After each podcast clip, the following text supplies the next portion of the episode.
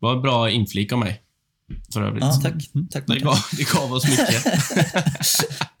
tycker bara, säg, säg vad du tänker. Bara, det, det här är podcast. Det är bara, säg, säg vad du tänker. Inget filter.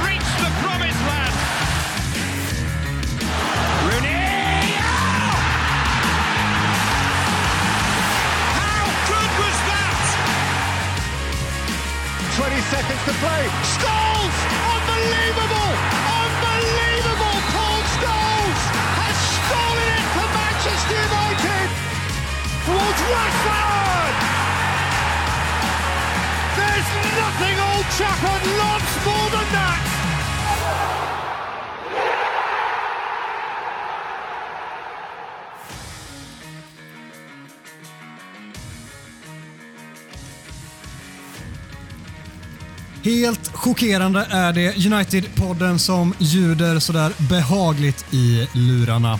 Podcasten som du inte visste att du längtade efter. United-podden görs i ett stolt samarbete med både den officiella supporterklubben MUS och United-redaktionen på Svenska fans.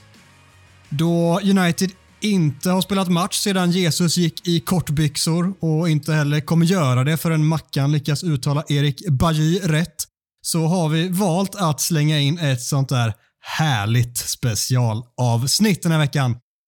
Självklart är hela truppen på fyra otappra herrar samlad och jag väljer mig faktiskt att vända mig till London först. Hur mår du Gustav? Du, väldigt bra. Jag känner en så här varm, mysig känsla i mig idag. Jag har suttit och djupdykt i nostalgiska United-känslor här senaste dagarna. Så äh, jag är väldigt redo att köra igång. Alltså. Du sa precis innan här att du har blivit kär igen. Ja, nej men lite så. Faktiskt li, lite som en nyförälskelse när man har fått, eh, ja, vi, jag ska inte avslöja vad, vi ska prata om, men det, det blir ju lite gamla, gamla minnen. När man har följt United i eh, över 25 år så inser man ju att det, det finns ju en, en skatt av härliga minnen. Och det var ju, var ju länge sedan man, man fick njuta av, av härliga, härliga segrar och fantastiskt spel. Så det var kul att få titta lite highlights här nu när det är speluppehåll. Ja, den skattkistan ska vi öppna upp ordentligt idag faktiskt. Och aningen mer österut sitter Mackan och hoppas på bättre tider, eller? Ja, som vanligt. Som vanligt. Nej, men jag, jag... Du går alltid in med inställningen att det blir bättre snart. Fy fan vad deppigt det lät av dem. Men eh, nej, jag, jag, mår, jag mår fan bra. Jag, eh, jag har en trevlig vecka här bakom mig och ja, jag vet inte. Jag utlovade en mer harmonisk mackan för några veckor sedan och nu, nu kanske den kommer ändå. Harmonimackan. Bättre sent än aldrig. Micke, du fortsätter din innebandykarriär eller? Hur ser det ut där? Den är lagd på is här tillfälligt efter diverse blessyrer som man alltid drar på sig som jag nämnde sist. Men eh, inte så mycket innebandy men jag är fan li likt Gustav eh, jävligt positiv och eh, jag har också fått mig en liten dos nostalgi och jag inser varje gång jag dyker ner där hur jäkla bra jag mår av just det där. Det är det att kolla på Jönssonliga-filmer som jag får mig att må bra om jag har lite en besvärlig trend i livet så väljer jag lite United-klipp eller en liten fin Jönsson så mår jag bra igen. så att, eh, ja, jag laddar för semester också två veckor kommande så det finns inget att klaga på. Gammal Vad åt? Ja, jag, jag känner att jag vill plocka på att du säger att man lägger en innebandykarriär på is. Det finns någon typ av hockeyskämt där som jag känner att jag inte, jag inte hittar just nu. Men jag tycker det är, det är, en, bra, det är en bra sägning. Ja, jag har ju varit ruskigt vass när på den tiden eh, Jolly Light var det vassaste man kunde hålla i händerna. Då, eh, Ja, det var inte många som hängde med jag var alltid mer av en Unihawk-kille. Alltså. Ja, jag kan tänka mig lite mer hipster-aura. Hade ju de som hade Ja, Union. gillar en hipster. Gillar en hipster. Adam, hur mår du? Det låter som du har svalt en gammal sparv eller någonting. Vad Ja, det är sant. Eh, Pollen hit me hard är väl förklaringen på det. Så eh, ni som inte känner igen rösten, det är jag, bara om det kanske inte riktigt låter så. Lite små rasp i halsen, det, då låter det så här. Men eh, jag tänker att det låter rätt gött. Min vanliga röst är rätt tråkig. Lite whisky, lite Joe Cocker. Vad har vi mer liksom? Det, man får den feelingen. Och det är det jag eftersöker idag. Micke, det fanns någonting mer jag vill plocka upp det, där är det du sa. Du säger att du ska på semester i två veckor. Har du ens fått ledigt från podden? Det vet du fan. Nej, Jag tar ju ledigt bara helt enkelt. Eh, Gustav får väl eh, steppa upp för en gångs skull och kliva in lite. Men han är borta så här tre, fyra veckor, bara försvinner på olika extravaganta resor. Nu är det dags att ställa upp för podden. Ja, det är en stor kostym samvete. att fylla Micke. Det är en stor kostym att fylla. Men jag ska, jag ska göra mitt bästa. O ordvitsar och, och trött, trötta topplistor. på tal om det, du har, något, du har något på gång idag också, har du inte det? Ja, det Ja, viskas om det. Det Det viskas om kommer det. något. Jag tänker att vi kommer ha så otroligt mycket att snacka om idag, så vi kör igång veckans avsnitt eh, med buller och brak.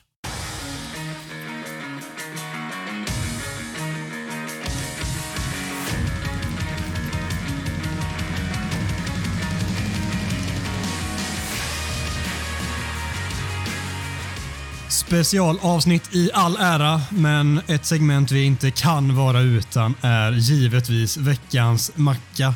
Och hur ska vi lägga upp det, tänker ni, när vi inte har spelat någon match? Mackan, förklara. Veckans bajsmacka Premier League-eran igenom, tänker jag här för mig själv. Hur låter det?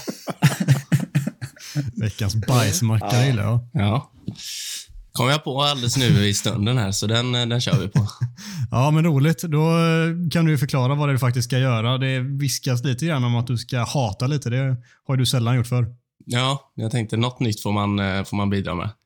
Medan alla andra känner sig lite nykära och, och nostalgiska så får jag, har jag fått grotta ner mig i eh, spelare och tränare genom åren som jag absolut inte har eh, tyckt om för fem öre. Så det, det är ju trevligt också.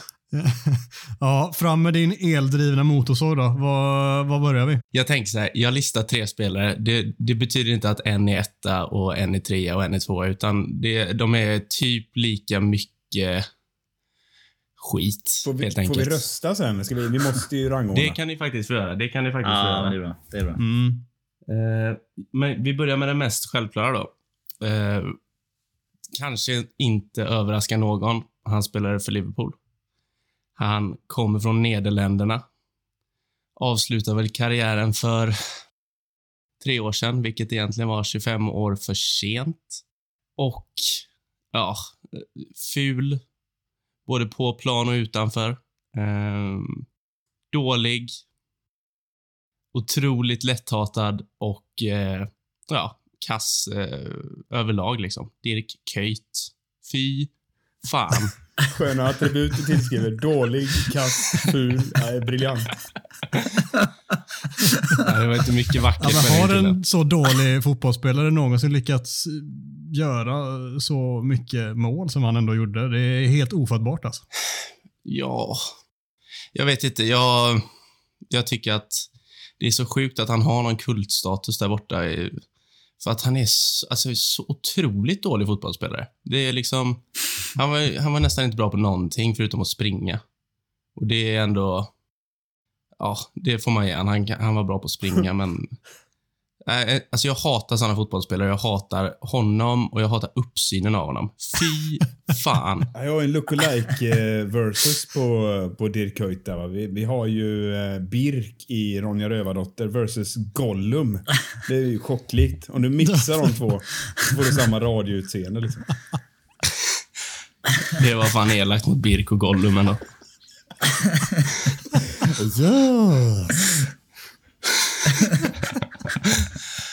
Ja. Ska jag, ska jag hoppa vidare till nästa Liverpool-spelare, eller? Ja, kör, kör, kör. Det är klart, det är, detta är bara en Liverpool-lista. Så. Men det är faktiskt svårt. Jag har tänkt så här att jag ska, alltså jag ska tänka lite utanför boxen, men det är, alltså det är svårt när, när Liverpool existerar. Liksom. Så då, det är lätt att kolla dit och det är lätt att känna avsky när man kollar dit. Så vi, vi hoppar rätt på nästa. Eh, han spelar inte i Liverpool eh, längre. Han spelar för ett spanskt La Liga-lag som eh, Ja, de var på Old Trafford för någon vecka sedan här och det behöver vi inte prata om mer. Men eh, hans tänder är offside, sjöngs det. Och det kan man väl inte annat än att hålla med om. Han är... Eh, likt Dirk Kuyt är han väldigt eh, icke-attraktiv. Eh, och ah, Jag vet inte, man behöver inte gå in på allt dåligt han har gjort, men det är ju otroligt mycket och eh, ja, jag, jag kan inte komma på en enda människa förutom möjligtvis Liverpool och Barcelona-supportrar som ens tycker om honom. Eh, Luis Suarez är given på den här listan. Jag kan, jag, jag, jag kan knappt tolerera honom alltså. Fy fan. Ja, briljant val. Ja, han, borde ha, han borde ha sin egen lista, Luis Ja. Suarez. Han är en helt egen, eget universum i den här kategorin tycker Ja, jag. det är briljant. Vi har ju eh, bland de bästa memesen, eh, kanske också bland de tidigaste. Ni får rätta mig, ni som har stenkoll på sociala medier. Men jag minns när han var klar för Barca där och det kablades ut en sån här skön bild på, jag tror det är utanför någon slags polisstation eh, med en stor sån här hundbur, två poliser med munskydd. Bär ut den här jävla buren så står det Suarez arriving Barcelona. Det är så jävla fint där. Appellerar på eh, hans eh, lilla förmåga att bita människor. Den tycker jag, den tycker jag var fin. Ja. Och det, det är typ... ja, det finns eh, så mycket att plocka upp Det är typ honom. den egenskapen som ändå är minst dålig med honom. Vilket egentligen säger allt han har gjort så mycket, då, han har gjort så, precis som säger Adam, har gjort så mycket dåliga grejer så jag vet inte ens att man ska börja. Om man, om man pratar om Zlatans karriär, att han kommer ha en sån här highlight reel med 50 stycken jävla konstmål som kommer vara det ena sjukare än det andra, så kommer ju Suarez ha 50 stycken helt sjuka, osportsliga ageranden liksom, som han har samlat på sig i landslaget och sina klubblag. Det är liksom, om han inte biter någon så slänger han ut Ghana ur VM med en sån här liksom, superäcklig hands på mållinjen som ett självklart mål. Liksom. Rött ja, men det, är så här, det, är liksom, det är ingen som tänker så ens instinktivt och göra så som han gör. Det är helt Till och, med, till och med hans målgest är irriterande. Det är när han så här, får såna här tips eh, och pussar sig på eh, handlederna 47 gånger. Och, eh, det, är så, det är så skönt att man inte behöver se honom spela fotboll varje vecka. Det, det, man behöver vä- väldigt lite Luis Suarez i sitt liv, känner jag. Då blir man en lycklig, lyckligare människa. Så det var gött att han inte spelade förra veckan. Ja, Ja. tack och lov. Tack och lov. Alltså jag är sån, jag tar, säll- tar sällan till ordet hata i min mun, men Suarez är min hatspelare nummer ett. Tveklöst. Alltså, det är ingen som är nära och det, det vi har nämnt och allt, eh, liksom rasistskandalen kring Evra, det finns så otroligt mycket att plocka upp där som är unlikable. Så Ja. givetvis ett självklart val på den här listan. Sen, var- sen var typ hela det Liverpool-laget väldigt unlikable också. Ska ha på sig tröjor efter det hände och Kenny Dalglish står i intervjuzon efter och inte fattar någonting. Han hade också kunnat vara med på den här listan för övrigt. Fy fan, osympatiskt lag det var. Nu, de, de är inte supersympatiska nu, men det är ändå fan ett bra mycket mer sympatiskt lag nu än vad det var då. Eh, Så egentligen hade jag ju kunnat ta med Liverpool-trupp 07-08 till, jag vet inte, nu också egentligen. Skitsamma. Ska vi gå vidare till nummer Ja, tre? riktigt eller? osköna. Ja, Kör. kör. Spelar inte i Liverpool faktiskt. Han spelar i ett annat eh, engelskt topplag eh, som har blåa tröjor. Eh, nummer 26 hade han på ryggen. Och eh, är väl egentligen känd eh, för sin hårda spelstil och eh, sina ledaregenskaper. Men det enda jag kommer ihåg han för är väl att han halkar bort en Champions League-titel till Chelsea. Eh, det bästa han gjorde i sin karriär, får man ge honom. Men utöver det var han ju också ett as utöver, alltså utöver allt det här rasistiska han sysslade med under sin karriär, det här eh, otroheten mot sin lagkamrat, bara, också hans uppsyn är liksom väldigt, väldigt osympatisk. Och jag eh, har ogillat honom sedan jag var typ 7-8 år. Jag vet inte varför, utan det bara det bara slog mig tidigt att han var ett as och det står jag fast vid. Och jag hoppas aldrig att han lyckas med sin tränarkarriär. Och jag hoppas att han får svårt att hitta något annat jobb också för den delen. Så John Terry är nummer tre på min lista. Det finns inget att tillägga där va? Ja, svårt att inte hålla med. Alltså. Ibland så, jag, jag avskyr John Terry också mer som pesten. Alltså, ibland när jag blir lite glad så går jag in på YouTube och kollar på ett klipp när det är någon fan som står utanför en buss och, och tar en autograf på John Terry efter att han har den här Wayne Bridge-gaten. Så tar han en autograf och så frågar han om ah, ska jag skriva en till honom? Ah, can you write it to Wayne? Write I'm sorry. han, blir, han blir rasande och det är, är fantastiskt. Det är 13 sekunder klipp men det är allt jag behöver för att ibland rycka upp en dålig dag. Alltså. Ja. Klassiskt mobbarutseende va? Ja, alltså... Ja, ver- verkligen alltså. Som, lite, lite Partille-Johnny Frippa när han fick sån ålderskris där. Kommer du ihåg det? Till Johnny, vi måste förtydliga det för de som kommer utanför Göteborgs gränser. Ja, men det är då, luggen är liksom nedslickad och sen, sen har man en sån Stig Helmer-tuppkam mitt på huvudet. Och vad är Kommer du då, ihåg när han körde och det? vad är då Partille-Johnny? Kan, du- kan vi ta definitionen på det också? Vad fan, Micke. Ja, ska vi verkligen grotta ner oss i Partille-Johnny? Det, det var killar som hade... Jag vill inte säga något dumt nu. Det var killar som... Eh, Inte hade några studieskulder. Ja, nej, det hade de nog verkligen inte. De hade gummiband på benen och eh, oheta på Gotia-diskot. Det, det var de inte. Men vi behöver inte säga mer än så. Ja, jag känner det här, det här flyger mig över huvudet så högt. Alltså. Stockholm, jag, jag hänger inte med alls här. Men det är... Ni som är från västkusten fattar direkt vad Mackan är ute efter här. Ska vi rösta lite snabbt då? Vi behöver ändå ta oss vidare i detta långa avsnitt. Vi ska komma fram till vem som var allra värst och jag kan nog eh, ganska självklart säga att det kommer stå mellan John Terry och eh, Luis Suarez. Micke, vem är din hatspelare nummer ett av dem? Det, är, det är extremt målfoto alltså. Det är, det är dagsform på vad jag tycker. Ring mig imorgon så säger den andra. Men eh, jag måste någonstans ändå landa i eh, John Terry. För att eh, med tanke på att han har haft eh, liksom ledarroll och så vidare och haft det omdömet så Suarez är någon slags skämt bara för mig. Så nej, jag, jag får nog ändå säga John Terry då. Tycker jag är en riktig gris på alla sätt. Fan, jag måste bara säga det om John Terry innan vi går vidare. Visst känns han som en sån snubbe som så här, piskar lakanet i duschen med handduken och hittar på så här, sjuka grejer på inkilningarna som inte någon någonsin borde höra om. Ja, det är Han kör ju pissbomben på juniorerna. det är min... Ja, pixbomben på juniorerna. Visst. Fy fan. Ja, ja, ja, det, ja, det var det mest skonsamma han gjorde. Fy fan. Gustav, vem röstar du på? Ja, nej, men det är, det är svårt. Det är grader i helvetet här. Men jag tänker den som är mest oskön för mig är, är nog ändå Luis Suarez. Jag känner, hon- honom hade jag inte lämnat mina husnycklar till för att vattna mina blommor när jag åker bort. Alltså. Jag känner ingen tillit till honom alls.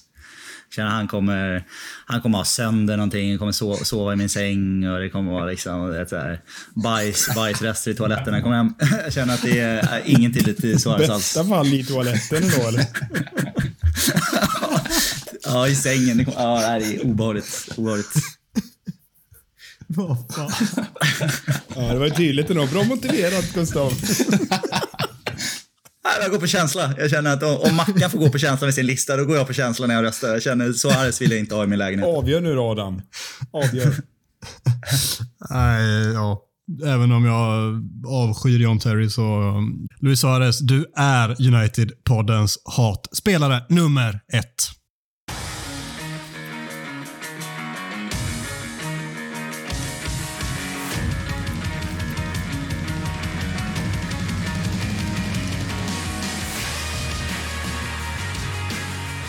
Veckans andra segment är favoritmatchen. Vi kommer lyfta upp varsin favoritmatch genom åren. Det måste nödvändigtvis vara kanske den som...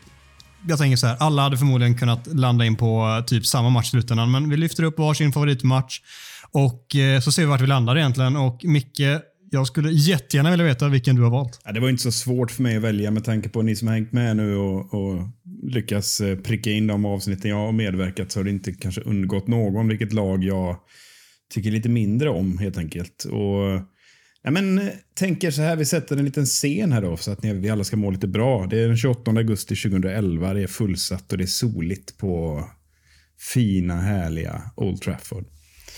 Ja, och vi går in där eh, inför den här matchen då mot det här eh, skitlaget som står på andra sidan och det är med betoning på skitlag och inför då, men nu undrar ni säkert vad det rör sig om om ni inte lyckats lista ut det, så har ju vår fina eh, tränare, manager, legendar Sir Alex hetsat lite för den här, mot den här sovsex-motståndaren eh, på andra sidan där. Och menat på då att Arsene Wenger då, eh, hade han varit honom så hade han aldrig tillåtit sin klubb ha en så karg titelutdelning. Alltså jag gillar den. Det första boxningsslaget kommer redan innan match liksom. Gustav eh, ve- vet ju naturligtvis vad det handlar, handlar om. En barren run without trophies. Jag tycker om det citatet. Eh, och det, det var väl Nej. lite så att eh, vi bollade lite med Arsenal på den tiden. Och ni förstår ju säkert att det handlar om den legendariska 8-2-krossen. För er som inte hade listat ut det. Men det var ju helt, helt, helt magiskt på alla sätt och vis. Och jag tänker inte dra den här i någon slags kronologi för att ni känner ju, alla som lyssnar känner ju till det här, eller merparten har ju sett den i alla fall. Garanterat, om inte annat sett den i efterhand. Men eh, jag ska inte vara för detaljerad, men det är ändå lite mysigt när man eh, kika lite grann på laguppställningarna på förhand så och kan se liksom hur den här slakten redan eh, utkristalliserar sig innan, innan matchen har satts igång. Och för att friska upp minnet då så hade vi lite skadebekymmer och ställer upp en fin backlinje med Chris Smalling som högerback. Jones, nyinvärvad och fin med långt härligt hår. Tillsammans med din favorit Gustav, Evans i mittförsvaret. Och kapten Evera ledde oss ut från sin vänsterbacksplats. Och ju, underbart magiska mittfältsdynamo-duon Anderson och Cleverly Flankerade av Ashley Young, också han ny in, och Luis Nani. Och sen har vi då fina Welbs på topp ihop med Rooney. Ja, det laget är ju bara, det är mysigt är det. Bara. Det Du, du glömmer din gubbe i mål det sker i mål. Det var också första säsongen. Magisk. Men så här, om vi stannar vid där. Visst är det laget på pappret inte sådär asgörbra i grund och botten, vilket bara säger precis allt om hur faktiskt bra Sir Ferguson Ja, det är ju helt otroligt. Men det är klart, med tanke på vilket lag vi mötte. Jag tänker inte dra det laget, men jag kan bara namedroppa några lag. Vi har han eh, sängrökaren i mål där, Chesney. Eh, har Jenkinson, han var, gjorde en praktusel insats som högerback. Har den lille tsaren på mittfältet. Eh, var eh, yttermittfältare, Archavin. Den enda som sticker ut här som någorlunda är vettig i det här laget är ju van Persie. Som så småningom skulle välja rätt sida. Jävla superspelare. Ja, men bara titta Ja, på det skitlaget liksom. Och visst, det var lite skadebekymmer och, och så vidare. Men vem fan trodde om den här utvecklingen? Och jag tänker inte igen bara liksom ta oss igenom med några godbitar. Alltså, om man tittar på inledningen på den här matchen så ser man ju att Smalling börjar med att attackera straffområdet det första han gör. Som en kraftfull kalv som är släppt på grönbete. Jag har aldrig sett han så kraftfull i sina djupledslöpningar som han hade ett par stycken där. Och sen bara, bara att se liksom Anderssons vid 1-0 målet är hans Scholes-lyftning över backlinjen som är, ja, är helt magiskt fram till Welbeck. En sån brasiliansk scoop. Ja, det, är- det Mm. Jag ryser bara tänker på det nu, fast jag har sett det 30 000 gånger. Och sen har, kan ju resten. Rooney, tre fasta situationer, två kanonfrisparkar och en straff. Rooney. He's done it again. Ashley Young hade en sån här häxpipa så när han vek in från kanten och bara vräkte in dem i bortre. Liksom. Det gjorde han i, i stort sett varje gång kändes det som när han, när han kom fram. Och sen, eh, ja, Jisung Park hoppar in och får mysa in en också. Och Nanis lilla chip. Ja, ni, ni hör ju liksom. Det är bara konstverk alltihop. Åh, Ah. Nan, Nanis mål är det snyggaste.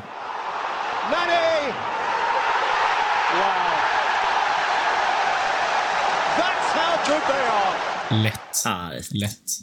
Ja, det, är, det är konkurrens om det, men jag, jag är oerhört svag ändå vid 1-0 målet. Den här, som stillastående så väljer han liksom det enda möjliga, eh, Andersson alltså, den enda möjliga vägen fram till en farlig målchans där. Lyfta in den till Welbeck. Ja, det är så Men underbart. han var ett geni också, Andersson. Det är lätt att man glömmer bort det. Ja, ja, det var inte för inte som han blev golden boy va? exakt så. Så är det. Ja, det är så jävla fint. Och sen intervjun efteråt med Wayne Rooney när han står och säger ehm, 20, 29 gånger, men det, det spelar ingen roll. Det är helt underbart. Han är också lite, lite skön. Alltså, vi förtjänade att vinna matchen, är det första citatet. ja, okej. Lågmält. Lågmält. Ja, jag vet, inte- jag vet Kontroversiellt faktiskt. vad tycker ni om mitt val här?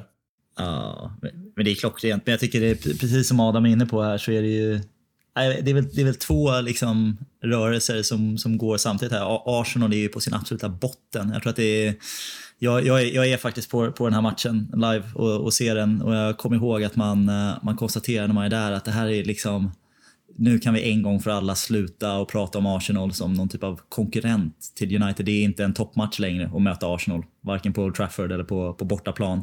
Och precis som du säger, om man tittar på den där, den här startuppställningen och det vi möter så är det ju, det är ju ett pinsamt svagt Arsenal-lag.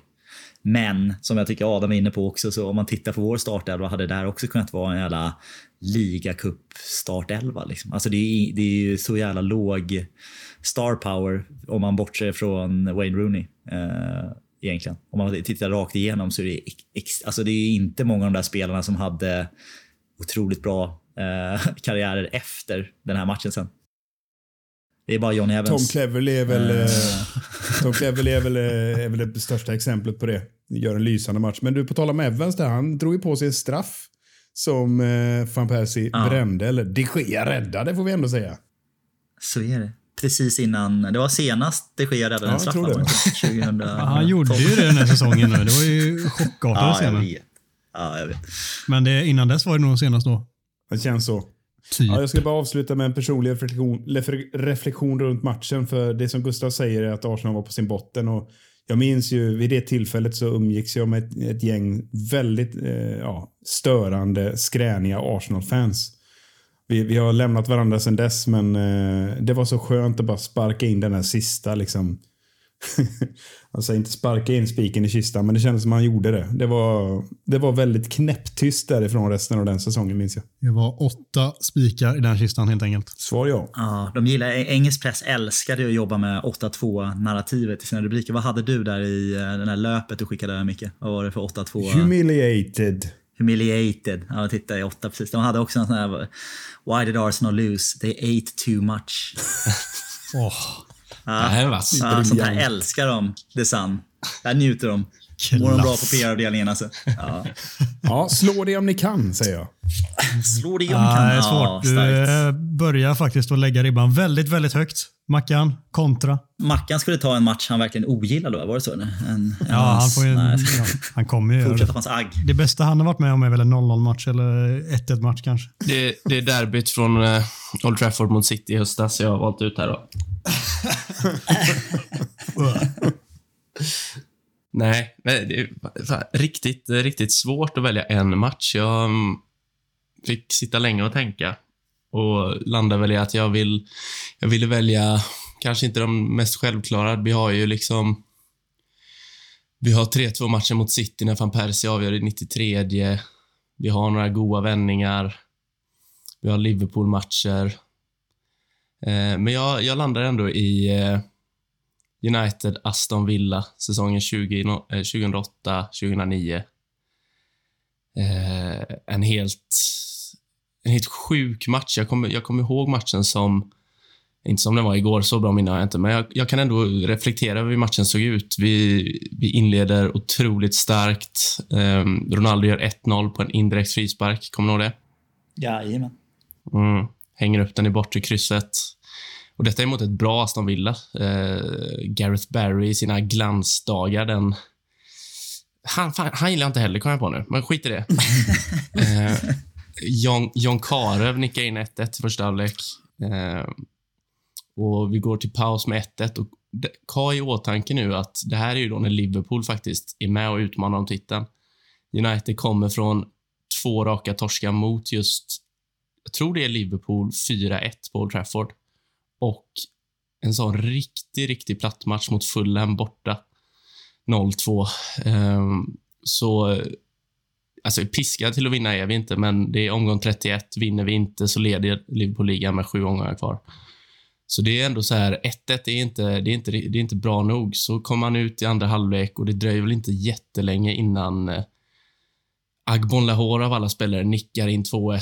Någon kollision mellan Evra och van der Sar typ och han får något öppet mål där. Och då är det ju... Panik var det väl aldrig under Ferguson, men då var man fan nervös. Och jag var ju bara 14 bast här kanske. Så det var inte så att man var mogen och lugn hemma i soffan. Det var nog några svordomar som flög ur den. Eh, kommer upp mot 75 minuten, tror jag. Så eh, blickar Ferguson bakom sig mot bänken och kollar på... Där sitter en 17-årig italienare. Hattrick i reservlaget i veckan. Inman. Federico Marceda kommer in. Welbeck kommer in, inte mycket äldre han. 18 tror jag han var då. Så då har vi alltså en anfallskvartett, säger man va? Det, jag, tror, jag tror alla är inne på planen plus Welbeck, Marceda, alltså Ronaldo, Rooney och var tv-sinne? Strunt samma. Eh, det är otrolig firepower ändå. Speciellt Macheda och Welbeck som aldrig har gjort några matcher innan. Men det, vi går för det. Och jag tror det är tio minuter kvar så får Ronaldo en chans.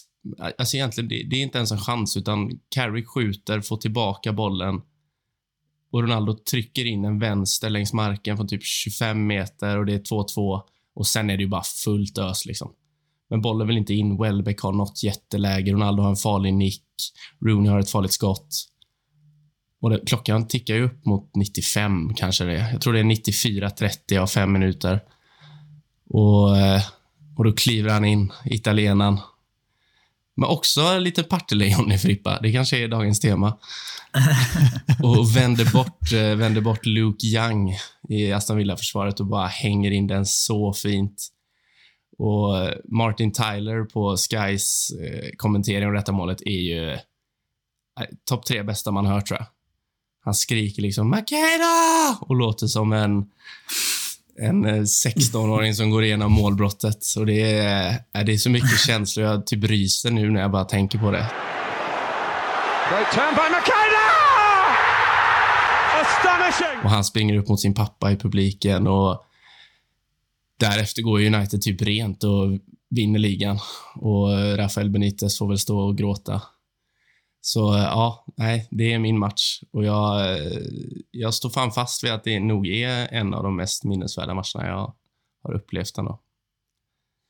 Den ger mig otroligt varma känslor. Nej, svårt, svårt, svårt att säga emot. Jag känner att man direkt man får lite rysningar här. Jag tycker framförallt, alltså, det är någonting med det där målet som är... Det, det är, det är någon jävla känsla i det där. Det känns lite som att när man är man har, man har gjort det där målet så många gånger själv på skolgården eller i parken. Eh, bara få liksom göra en liten vändning och så skruva den mot bortre stolpen. Liksom. Man kan liksom känna precis hur det känns att vara 17 år och få göra sin debut på Old Trafford. Det är som någon Ja, men det är liksom, vad heter den, Fimpen, eller vad heter den där jävla fotbollsfilmen med den här ungen som spelar. Liksom, att det är, ja, jag tycker det är, för mig är det ett, sånt, ja, ett av de mest magiska mål United någonsin har gjort. Matchen i sig tycker jag väl det, den är mest bara ångest, men, men just den upplösningen är otrolig. Alltså. Ni andra hade inget att bidra med det, men det, det är okej. Okay. Jag och Gustav kör. Jag, vi gillar den här matchen i alla fall. Jag var inte född då, så jag vet inte. Vi gillar den. Nej, men... ja, det får du hålla i Nej, alltså. men det, det som du säger Mackan, där, när man tänker på den här matchen, så det enda jag får upp i skallen är ju kommenteringen. Liksom. Och eh, Den har vi givetvis eh, sett till att slänga in här i avsnittet redan. Så ni som inte minst den gör det. En otrolig match, ett otroligt avslut kanske framförallt på en match och eh, en vändning av en säsong som resulterar i något eh, fantastiskt i slutändan. Vi, vi, har ju faktiskt en, en helt sjuk vändning mot Tottenham bara några omgångar efter den här som jag, som jag bollade upp som ett alternativ, men jag känner ändå att Alltså Macheda-målet är så... Alltså det är bara det ögonblicket i sig liksom. Vinner. Mm. Utan mig. det målet hade ju vändning mot Tottenham aldrig kommit därefter. Känslan är det. Nej, jag är helt övertygad. Det är Nej. sånt sätter sig i skallarna på ja. dem. De vet att de kan göra det. Ja. Ja, men det, det, jag tycker det är, en, så det är en typisk match liksom som, är, eh, som säger mycket om eh, ja, men det, den United-maskinen som mullrade fram då. Att när det liksom som du säger, när den firepowern inte lyckades att liksom avgöra så, så bara slänger man in en 17-åring. Alltså det, det, finns ju så mycket runt det här. Det, går, det skulle kunna gå och prata i flera timmar om det här. Det är helt magiskt. Sen behöver vi kanske inte prata så jättemycket om hur det gick för Kiko sen då, men... men, men det...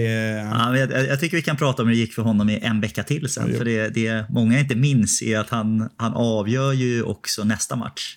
Han blir inbytt. Om det är, är inte Sunderland man möter. Nu står det still om det är oavgjort eller om det är en vinst, men jag vet att i alla fall målet är att någon, är det typ Carrick som skjuter på honom så att han styr in bollen. Han får målet, men han, men han avgör ju ja, lite förbannat. Är det sant? Och det är en vinst också. Det är en sån god hockeystyrning ja, där. Och det är en vinst. Ja. Ah. Men sen behöver vi inte prata så mycket om, om hur det gick för Det har inte gått åt Makeda skogen kanske. ändå. Han har det nog rätt gött på, Gre på Grekland, säger man inte. I Grekland är han och härjar, va? Om jag inte är ute och cyklar.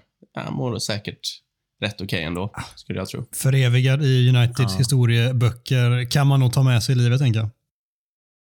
Gustav, vilken match har du valt?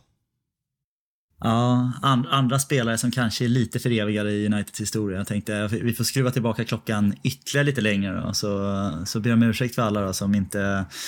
Eller, eller så kanske här får ni chansen då att lys, lyssna på vad som hände på 90-talet. Så jag tänkte det finns ju en, en självklar säsong eh, som är... Ja, jag känner, det är därför jag mår så himla bra idag. Jag har suttit och bara grottat in mig i, eh, i året 98-99 här. Eh, och eh, då, då blir man väldigt varm och väldigt glad. Och där finns det ju där hade man kunnat välja tio matcher. Det är ju en sån otrolig säsong med enorma bara vändningar och prestationer rakt igenom. Men jag har valt en, en match från slutet av säsongen. 21 april eh, 99 i eh, Turin. Eh, så det handlar om andra semifinalen i Champions League här. Då vi ställs mot italienska mästarna Juventus på, eh, på gamla fina Delle Alpi. Stadio del Alpi som byggdes tror jag, till VM 1990 och revs bara alltså, typ 15 år senare för att byggas nytt. Så otroligt italiensk planering i den eh, ekonomiska utgiften där, Del Alpi. Kort, kort brintid, men känns ändå som någon typ av legendarisk italiensk arena på något sätt. Känns som att den hann, hann med mycket på sina 15 år. Eh, så där ska vi spela, spela returmatch och det här är alltså då mot ett Juventus som har varit i de tre senaste Champions League-finalerna Eh, och vunnit en. Så de är på väg alltså att gå till sin fjärde, fjärde raka Champions League-final. Vi har vunnit Premier League fyra av de senaste sex åren. Eh, men vi går in i den här säsongen utan att aldrig riktigt lyckas i Europas finaste klubblagsturnering. Eh, så det, senast vi var i en final av Europacupen eller Champions League var 1968. Eh, där vi gnetade oss fram till Wembley mot Benfica. Men sen dess har det, inte, har det liksom aldrig gått trots alla inhemska framgångar. Så då är vi i april, allt börjar dra ihop sig. Eh, vi krigar fortfarande på tre fronter. Eh, absolut ingenting är avgjort i det här läget. Vi kan fortfarande med ganska stor risk gå trofélösa den här säsongen när vi är i slutet av april. Vi har slagläge i ligan visserligen, men vi behöver slå Tottenham hemma i sista matchen. Eh, vilket ni som har, har minnet kvar minns att vi hamnar i underläge efter första halvlek mot Tottenham, så det är en tuff, tuff vändning som behövs där på sikt också.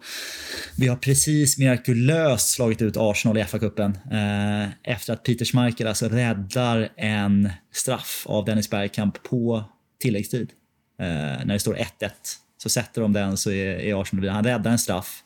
Eh, och då är vi en man mindre också. Roy Keane förstås av alla har blivit utvisad någon gång mitt, mitten av andra halvlek. Så vi är en man mindre borta mot Arsenal. Eller borta är det kanske inte, det är väl någon här neutral plan kanske i semifinal. Räddar en straff, en man mindre går in i övertid och vi alla minns ju Ryan Giggs eh, soloräd eh, genom hela Arsenal. Eh, som gör att vi vinner den här matchen helt mirakulöst 2-1. Så vi har gått till en fa Cup-final där vi ska möta Newcastle. Vi har fortfarande ett par matcher kvar i Premier League. Eh, och nu är det då alltså Champions Leagues andra, eh, andra semifinal här mot Juventus. Så var resan fram dit, då, det blir lång bakgrund här men jag, bara, jag bara kör nu för jag är så himla, jag bara älskar den här säsongen så jag bara, jag bara bränner av. Champions League i alla fall, det är lite annat Champions League på den här tiden än vad, det, vad man gnetar sig igenom nu när man möter diverse lingonlag i grupp, gruppspelet här. Lyssna på den här gruppen, då har man Spaniens bästa lag Barcelona, Tysklands bästa lag Bayern München, och Danmarks bästa lag Bröndby. De kanske vi kan, det kan vara en liten parentes. Men bara, bara, bara att man hamnar i samma grupp. Det är alltså Englands bästa lag, Spaniens bästa lag och Tysklands bästa lag i samma grupp. Det, där snackar vi alltså. United vinner bara mot Bröndby.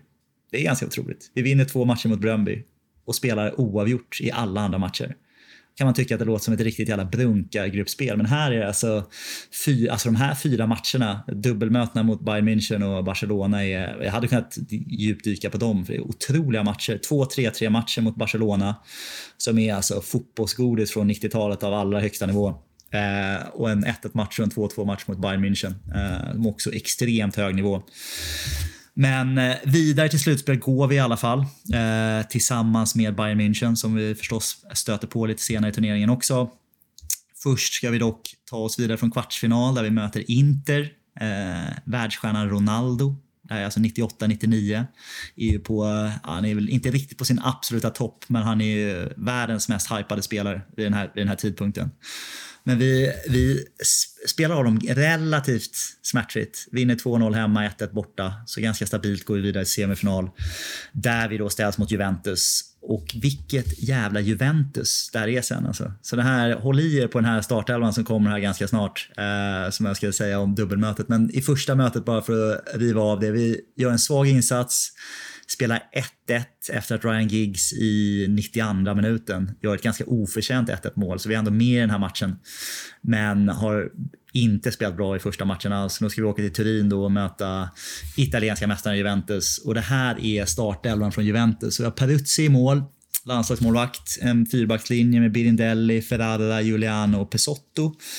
Kanske inte det som är den största fear-faktorn, men gott om talang där. Men lyssna på det här mittfältet. Så har vi Antonio Conte, Didier Deschamps, Edgar Davids och Angelo Delivio på vänsterkanten. Om man inte tycker att man får någon kreativ eh, kvalitet från det så har vi en nummer 10, Zinedine Zidane, framför dem som skapar lite chanser. Petar fram ett par bollar till Filippo Inzaghi, de nya på topp.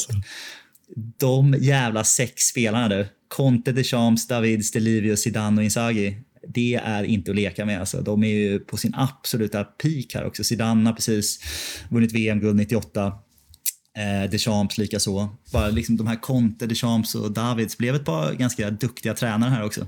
Zidane också har vunnit ett par titlar. Edgar Davids framförallt i Barnet i engelska fjärde divisionen. Det är väl han som sticker ut mest som, som tränar, tränarnamnet där kanske. Jag tänkte, vad fan, vad det här nu? Men, men även Conte och Deschamps och Zidane har ju, har ju gått ganska bra. Men jag tänker just på Edgar Davids sejour som ägande, ägande tränare och spelare. Med nummer ett på ryggen i Barnet. Eh, gjorde sig känd för att, för att skicka sina spelare på, på uppvärmning och, och sen så när de skulle bli inbytta så bytte han in sig själv istället. Lätt hänt när man spelar en tränare. Så, så var han. Men nu ska jag inte, ska jag inte hamna på Davids. Kolla på vår, vår startare istället. Så, så ett 4-4-2. Schmeichel mellan stolparna förstås. En drömbacklinje. Gary Neville, Ronny Jonsson, Japp Stam och Dennis Irvin. Fan, det är ju bara stabilitet rakt igenom. Ett mittfält med Beckham till höger förstås. Eh, Roy Keane och Nicky Butt i mitten och Jesper Blomqvist till vänster. Scholes börjar på bänken, Giggs är skadad. Eh, och sen så förstås duon York och Cole på topp. Så eh, ett jävla, riktigt jävla drömlag. Och matchen drar igång då. Eh, ett rasande tempo. Eh, Juventus gör 1-0 redan efter fem minuter. Eh, Inzaghi på en hörnvariant dyker upp på bortre stolpen och petar in ett klassiskt Inzaghi-mål. Fem minuter senare står 2-0. Inzaghi igen, otroligt oturligt, drar på något skott som studsar via Japstam, lobbas över Peter Schmeichel i en olycklig bana. Och nu är vi alltså 2-0 borta mot, mot Juventus eh, i Champions League-semi. Men har ändå, trots de här 10 minuterna, spelat det relativt bra. Ganska, ganska oturligt att det, att det står som det står. Vi skapar lite halvchanser om vartannat. 2-1 kommer ganska snabbt redan i 25 minuten. En Beckham-hörna möts av Roy Keane vid första stolpen som skarvar in den i bortre gaven. Peruzzi är ute och hänger tvätt. Eh, det här är liksom för mig det här är hur jag alltid kommer minnas Keane. Jag skiter i vad han säger i en studio men det här är Keane för mig. Han hoppar upp, han nickar in ett mål. Innan han ens har landat har han knutit näven. Och i steget så springer han, han bara vänder och springer hem. Liksom, han tittar inte ens på bollen, han bara springer hem och ställer sig i position. Det är liksom inget, inget firande, det är en knuten näve i hoppet och sen så springer han tillbaka. Och därför är han alltid min kapten, Roy Keane. Alltså. Och det, är, det är för sådana här situationer.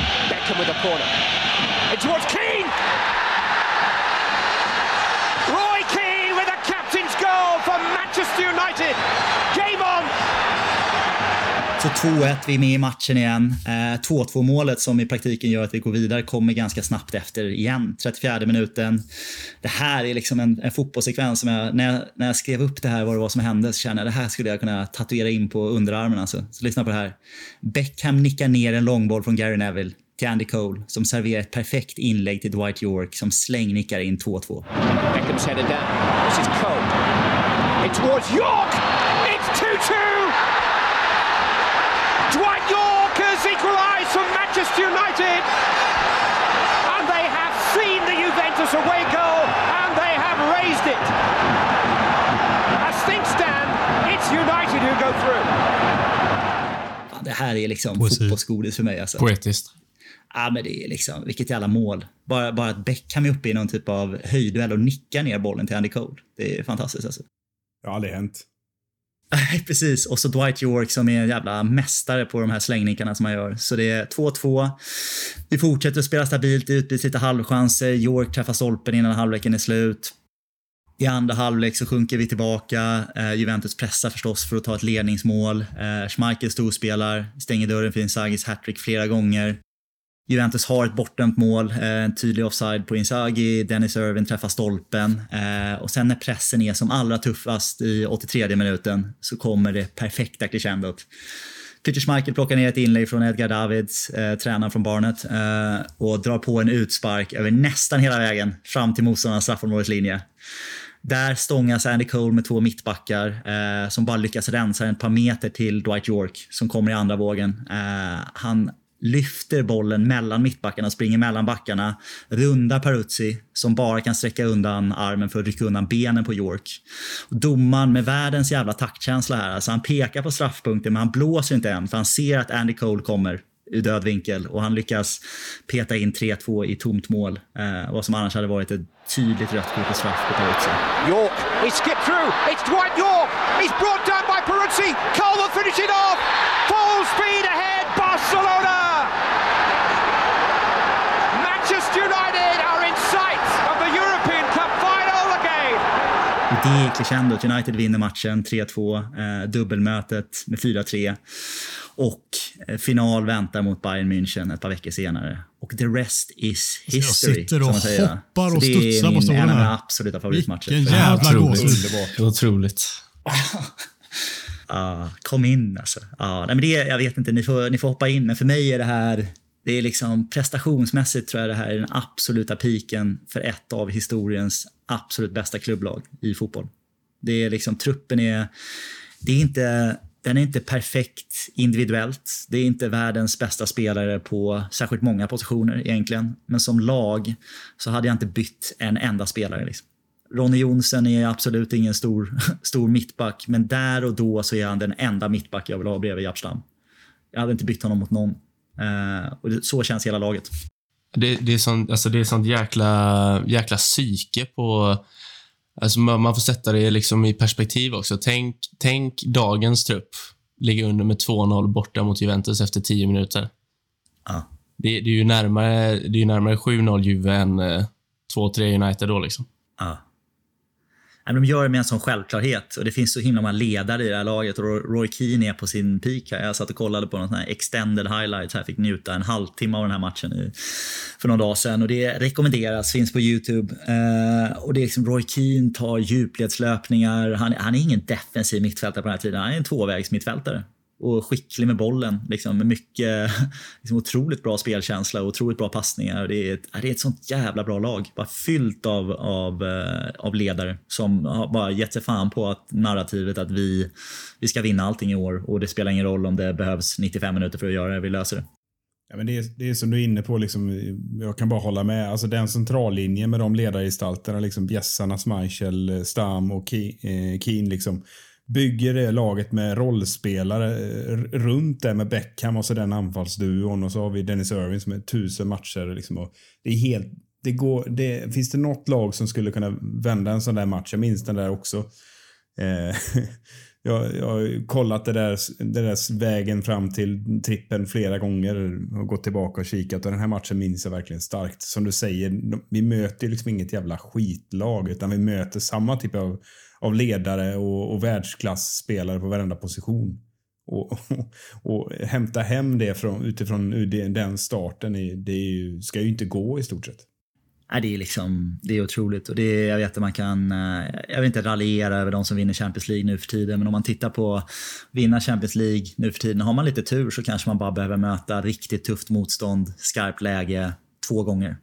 Man, man kan liksom ta sig ganska långt och vinna en sån här titel, vilket vi har sett. Man kan vara fjärde, femte bästa lag kanske i sin inhemska liga och kunna ta sig hela vägen dit eh, med lite tur med sina lottningar. Men här, alltså att man möter bästa spanska laget, bästa tyska laget, bästa danska laget, bästa italienska laget eh, och sen så möter liksom det näst bästa italienska laget med Ronaldo, Zanetti etc. i en kvartsfinal. Det är ju liksom all, aldrig ett sånt välförtjänt Champions League-guld. Det är svårt att argue att vi var bäst i världen som klubblag då. Underbara minnen. Och Dwight York också, vill bara flika in där. Alltså, underskattad. Alltså, kan det vara en av de smartaste anfallarna som har spelat i United? Herregud, ja. vilken spelare alltså. Och fråga, är han den bästa spelaren från Trinidad och Tobago någonsin? Det är många konkurrenter på den honom och Xhaka Hislop. Det är om Xhaka Hislop är uppe och drar där, men det, det, skulle vara någon av de två då kanske. Ja, ja äh, Dwight York. jag tycker det, tycker det finns något fint i också att då, vi sa ju att Roy Keane äh, åkte på rött kort här i fa Cup-semifinalen mot, mot Arsenal. Han drar även på sig ett gult kort mot Juventus, förstås när den gode Jesper Blomqvist sätter laget i, i trassel med en dålig, dålig bakåtpass så får eh, Roy Keane ta på sig ett taktiskt gult kort i första halvlek. Missar finalen. Han rör ju inte en min alltså. Det är inga gascoinska tårar i, i Turin, där inte samma, samma arena för övrigt. Men det, det är... Eh, han, han bara spelar på och han vet att han ska nu missa, liksom som lagkapten, missa både en fa Cup-final, en Champions League-final. Eh, men ändå så är han en självklar ledare. Paul Scholes byts in sista 20 minuterna, drar också på sig ett gult kort för säkerhets skull då, för att missa finalen även han.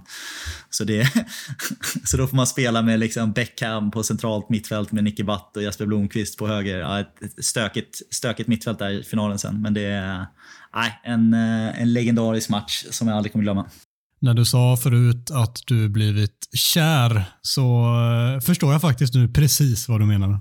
Ja, det är bra. Mm. Dela min kärlek, alla. Han menar Edgar Davids. Ja, han, fick, eh, han fick flashbacks till barnet. så ovärdigt är det. det är ja, nu, så nu är vi spända på vad Adam ska toppa upp här med. Ja, vi har pratat om en Champions League-vinnande säsong. Då är det väl såklart ett öppet mål att välja säsongen och finalen 2008. Men den måste också väljas. Vi, eh, som precis alla vet, möter ett Chelsea i finalen. Chelsea som precis eh, åren innan här faktiskt har växt ut till ett väldigt stort lag och tar sig till sin första Champions League-final och vi börjar få dem som kanske den största inhemska rivalen och ställs mot dem i en Champions League-final i Moskva vi alla vet vad som hände sen och jag tänker att vi ska dissekera matchen lite grann gemensamt snart. Men jag vill börja i änden som Mackan eh, nämnde förut, att John Terry bränner sin straff och eh, det kan nog vara för många den sekvensen av matchen som man kanske får upp allra först på näthinnan när man tänker på den här matchen. Jag vet inte hur det är med er, men för mig så är det allra första jag får upp van der Sars räddning och hans firande efteråt när han springer därifrån i dyngsura Moskva-natten. He didn't look happy coming forward, Anelka, and he's not happy now because it's red in Russia. This English night in Europe is Manchester United's night. Best in the Premier League, their best in the Champions League. Thanks to Edwin van der Sar's save. Ja, det finns mycket att plocka på där. En, eh, en eh, lättad Cristiano Ronaldo som gråter i, i gräset och faller bakåt när alla andra springer till van der Sar. Eh, är också fin, det är fina bilder på något sätt. Det är så mycket, mycket bilder från den här matchen. Nej, det, man fastnar ju nästan mest vid, vid straffmissen där, men också, också den här... Jag, jag minns att jag bara kände lättnad för jag, jag, tycker inte om såna matcher normalt sett. Jag, jag är ofta oerhört nervös och har svårt att, liksom att komma ihåg någonting runt matchen. Utan det, jag, jag minns bara att jag var, knappt vågade titta. Eh, det är tur att vi inte spelar såna matcher längre då, Micke. Nej, men det, känns, det, det är ett sjukt. Liksom. Jag behöver inte vara nervös längre. Jag kan bara sitta och vara håglös. ja, det, det har du faktiskt rätt i. Man gillar ju också eh, Rooney när eh, van der Sar tar straffen. Han bara tappar fattningen helt. Han vet inte vilket håll han ska springa åt och bara armarna rakt ut och springer åt fel håll typ. Eh, och Gary Neville i kostym kommer in. Det är många fina, många fina bilder därifrån. Sen hatar man ju inte att John Terry står och gråter vid mittlinjen heller, ska jag ju säga. Men vi, vi kan ju dra Ja. startelvan. Det kan ju vara så att man, det är ju lätt att man missar någon spelare som man inte riktigt kommer ihåg som startade här och var. Vi har ju givetvis Van der Sar i mål som vi har nämnt. Vi har en West Brown, Rio Ferdinand, Nemanja Vidic och Patrice Evra. Där är väl kanske West Brown den man höjer mest på ögonbrynen för. Assist. Assist. Ja, otrolig Alltså, inlägg. han, var, han var så bra den säsongen. Framförallt den Helt, matchen den var eh, helt otrolig. Ja. Men är det den mest begränsade spelaren som fått ut max av sin karriär? Och framförallt i- under United-karriär? Någonsin? Möjligen. En bra shout. Finns några stycken där va? Ja, det finns, ja, ja, fin- finns ju ett par där under Ferguson-eran, men det är, han är ju uppe där utan tvekan. Ja, om jag nämner mittfältet då. Ronaldo, Carrick, Scholes, Hargreaves. Vad vill ni stanna till där? Mm. Att Hargreaves var frisk ändå. ja, det är fan det sjukaste. Hälsenan var hel liksom. Sytt ihop. Men fan vad bra han var Hargreaves också eh, när han väl kunde spela. Riktigt bra. Riktigt bra. Det, det var alltså, så synd att han liksom... Att han hade den kroppen. För han hade, det finns ju en riktigt bra mittfältare i honom. Det är bara synd att han sträckte sig om han så skulle räcka sig efter kammen i toalettskåpet. Liksom. Det är mest skadebenägna spelaren i Uniteds historia, va? Ja, han, är, Det, han och Phil Jones kanske. Det Erik Bajy. ja. Nej, men det är fint. Bali. Bailey. Bailey. Bailey. Förlåt. Vem är, vem är Bailly, tänker Mackan. Ja. Ja, vi har ju två anfallare också i eh, Carlos Tevez och Wayne Rooney. Det var ett anfallspar som heter duga. Och Bulldogs. Ja. Ja, det får man säga. Smaskigt på alla sätt är och också vis. på, på något sätt är det här, det här är liksom startelvan och truppen som ändå det symboliserar hur bra den här truppen är. När varje, jag jag för mig att Berbatov får inte ens sitta på bänken, va? Visst är det så? Att han... Nej, det, någon det är inte nu.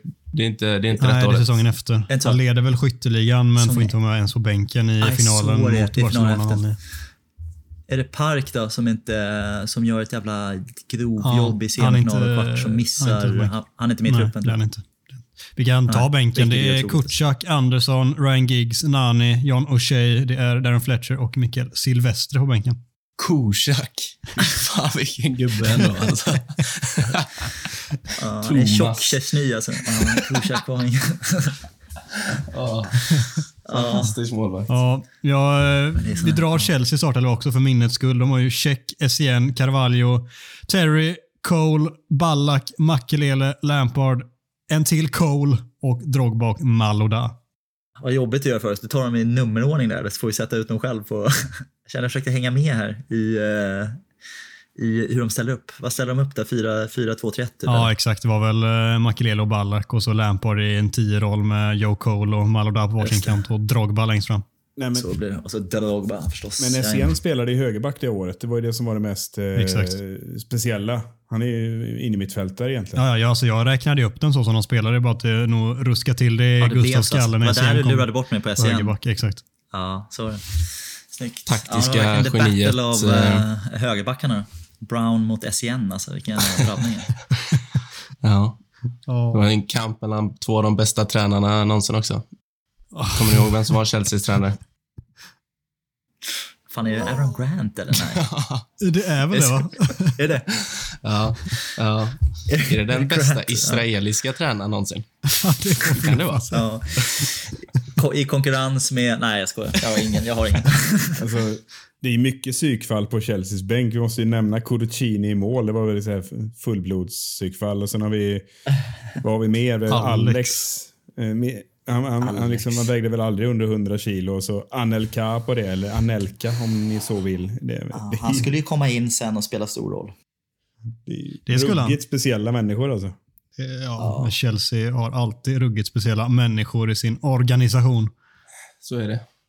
Jag vet inte. Jag, det enda min, jag, är lite så, jag är lite som Micke här. Alltså, det är ganska svart från den här matchen för mig, sjukt nog. Det, jag har sett den så många gånger i efterhand också, men straffläggning är det som sticker ut och det är Ronaldos nick. Ronaldo är för övrigt helt otroligt bra i den här matchen. Ja. Förutom sin straff då, ska tilläggas, men i övrigt eh, fenomenal. Han är ju på, eh, ja, han, det är väl här hans peak egentligen börjar här omkring. Här är han. Han blir väl Ballon d'Or efter den här säsongen, va? Det är väl hans första Ballon d'Or-titel, tänker jag, va? Stämmer. Uniteds första Stämmer. Och så blir, han ju, så blir han ju kvar en säsong till för oss sen lämnar han. Det är väl eh, så historieskrivningen är. Så är det, precis. Nej, men jag, jag tror att det är... För mig så tänker jag Chelsea på den här tiden var ett jävla mardrömslag att möta faktiskt av respekt för att de var så jävla, det var så jävla jämnt alltså. De var, vi hade ett extremt bra lag. Jag tycker att det är väl, det är väl bara det här laget som kan på något sätt vara en rival till det laget jag pratade om eh, ett decennium innan. Men lite, om man, om man ska vara lite snäll här, får man ju faktiskt säga att det där Chelsea-laget var ju nästintill lika bra. Alltså. Det var ju jävligt hugget som stucket i varje match. Det var ju inga liksom Inga självklara segrar alls här. De var så extremt jobbiga att möta och jag kände att det om man tittar på hur, ja, men hur historien blev här med John Terry som missar en straff för att han halkar och, och vi vinner och vi har Ja, fan är det inte Frank Lampard har väl någon boll i ribban på övertid eller någonting också? Har inte det? Vi har väl också, eller Giggs har väl också någon, någon chans där med halvöppet mål. Så det, chanserna kommer väl, men det är också en sån där det hade ju lika gärna kunnat gå åt andra hållet i den här matchen. Och det var jobbigt att titta på i 100, 140 minuter då kanske med en straffläggning också. Det var ju extremt jobbigt. Alltså. Alltså jag tittar Ja, på, det- förlåt Micke, men jag tittar på mittfältskampen här. Du var inne på det, deras lag Chelsea. Alltså Ballack, Makelele, Lampard mot Scholes och Carrick. Herregud vad mycket kvalitet. Fan vad jag har glömt bort att Makelele spelar där då. Det kommer inte jag ihåg. Det var en bra inflik av mig. För övrigt. Ja, tack. tack Det gav, det gav oss mycket. tycker bara, säg, säg vad du tänker. Bara, det, det här är podcast. Det är bara, säg, säg vad du tänker. Inget filter. ja, Och där löste sig så där, går, inlednings... där går vi in i första klass och kopplar bort reciden. Tack, tack Mackan. Eh, Nej, Micke, förlåt, du ville säga någonting där. Nej, jag ville bara mest bara säga, repetera det alla har sagt. att ja, men man, alltså Som Mackan sa också, man saknar ju verkligen den typen av matcher när man får sitta och liksom tugga ner nagelbanden och sen är man nere på knogarna liksom innan det är färdigt. Och, ja, det var, ja, jag håller med, det var fruktansvärda matcher mot Chelsea och det, var, det kändes som att jag trodde vi skulle förlora hela vägen. Det var, jag trodde inte på att vi skulle vinna den matchen så det var en extra skön lättnad på grund av det bara. Så jag minns att det var, blev en jäkla massa bärs efter den matchen. Det var starka minnen. Ja. Nej, men jag tycker det säger, också en del om hur eh, mycket respekt jag hade för Chelsea. Jag kommer ihåg året efter då. De är, det är väl så, om jag inte blandar ihop nu. Vi ser det så att Barcelona slår väl ut Chelsea i typ 95 minuten. Iniesta gör något sån här drömmål. Eh, och jag kommer ihåg att jag jublade för att så här, slippa möta Chelsea i final. Little did you know med hur jävla bra Barcelona höll på att bli. Men då, då tänkte man att så här, vi har väldigt mycket bättre chans mot Barcelona än vad vi har mot Chelsea, kände jag inför den finalen. Det eh, visade sig att så inte var. Det är en klassisk final av, av andra anledningar. Den pratar vi inte om idag, tänker jag. Men eh, otrolig respekt för det Chelsea-laget faktiskt. Ja, vi lämnar det segmentet med en eh, Champions League-titel. Dessvärre vår senaste Champions League-titel, men förr eller senare ska jag väl få uppleva det igen, hoppas vi.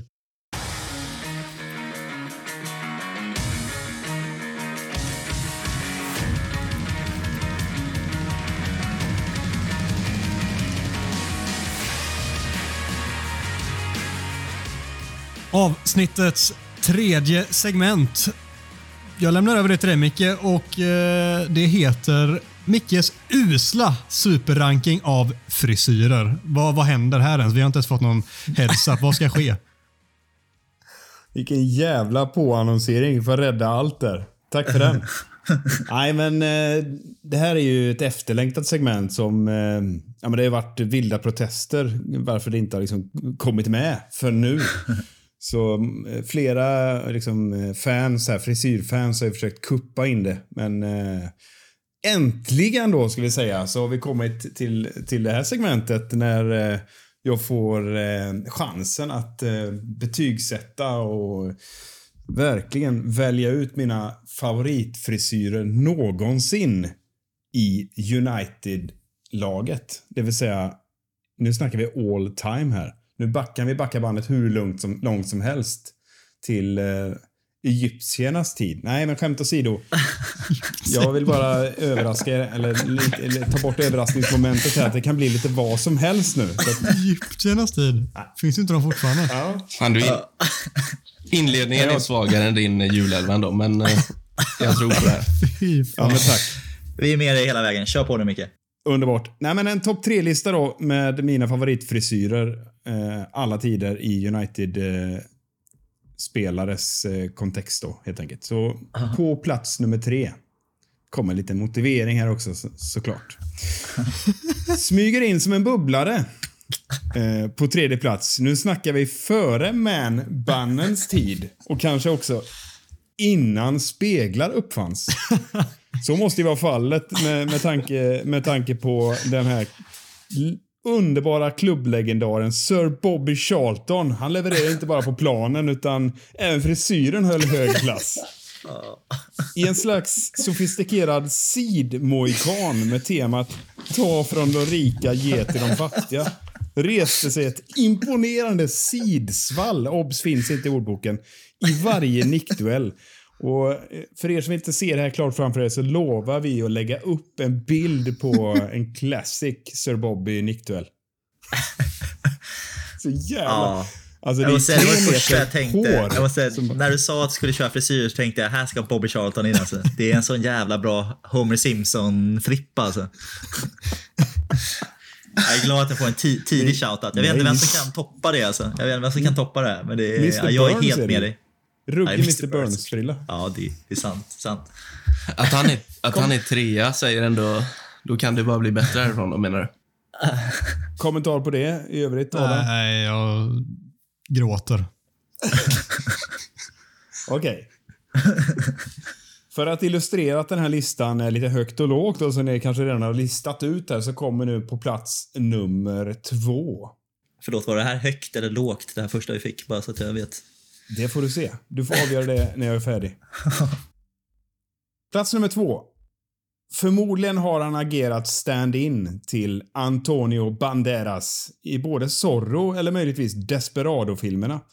Eh, det vilar något mystiskt men samtidigt extremt maskulint i den svarta lejonmanen som alltid kort före matchstart eller vid ett eventuellt inhopp väts ner till en underbar backslick med hårband. Ett slags tecken på att en strömbrytare slås på. Soldaten är redo för krig. Vem pratar jag om? Eddie. Eddie. Så, ja. Edison Cavani, solklar plats nummer två. Bartes trodde jag att du pratade om. Han har mer av en bagar-aura. Eh, Han har väldigt mycket hår gå tillbaka och lyssna på julavsnittet. Att plocka den referensen. Ja. Framförallt har han mycket hår.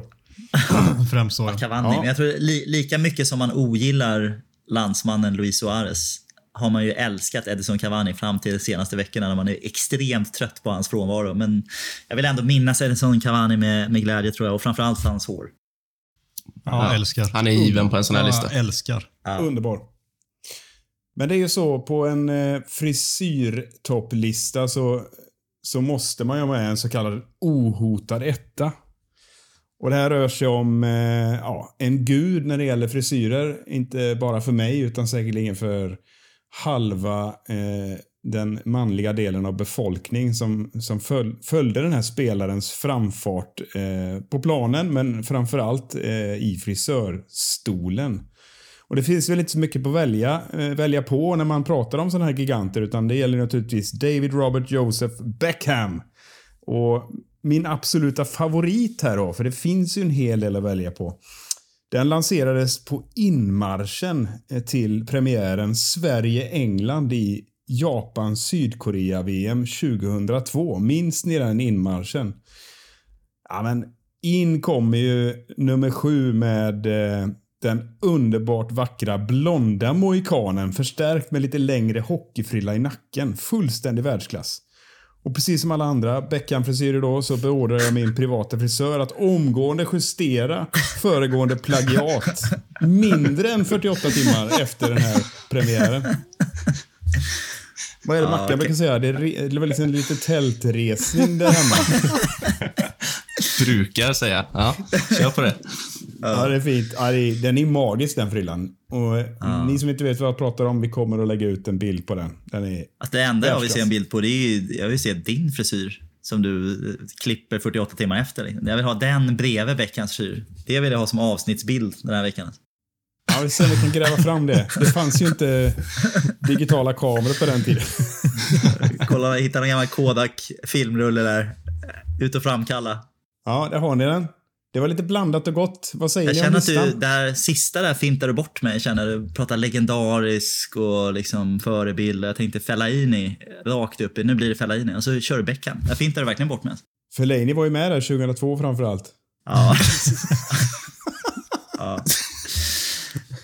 Men Fellaini, Fellaini, Fellaini hade varit med på min lista ändå. Han, på, han ska ju vara med på en hård lista egentligen, eller? Det fanns ju mycket bubblare. Alltså, vi, vi snackar Fellaini, vi snackar... eh, Jag menar, Teddy Sheringham hade en fin sån eh, 42 år i Försäkringskassan. ja, den där dum-dummare liksom luggen. Det var den bilden jag gick till min privata frisör med där 99. Klipp Den mig har, så du, här den nu. har du än idag. Alltså. Ja, den kommer tillbaka. Det är lite Thomas Stenström, men det är en Göteborgs referens. Har väl lite sånt. Ösregnfrillan. Ja. Det är en stark lista. Jag tycker som vanligt, det är en lista, jag känner att det saknas. Johnny Evans kanske skulle vara på den här, men annars, så, annars är det en bra lista. Mest anonyma frisyren också. Han har ju ingen frisyr. Han säger bara klipp mig. Klipp mig bara. Joe. Ja, vi, Nej, han ska in. Han ska in. vi, vi lämnar listan där, Micke, och tackar så jättemycket. Tackar. Ja.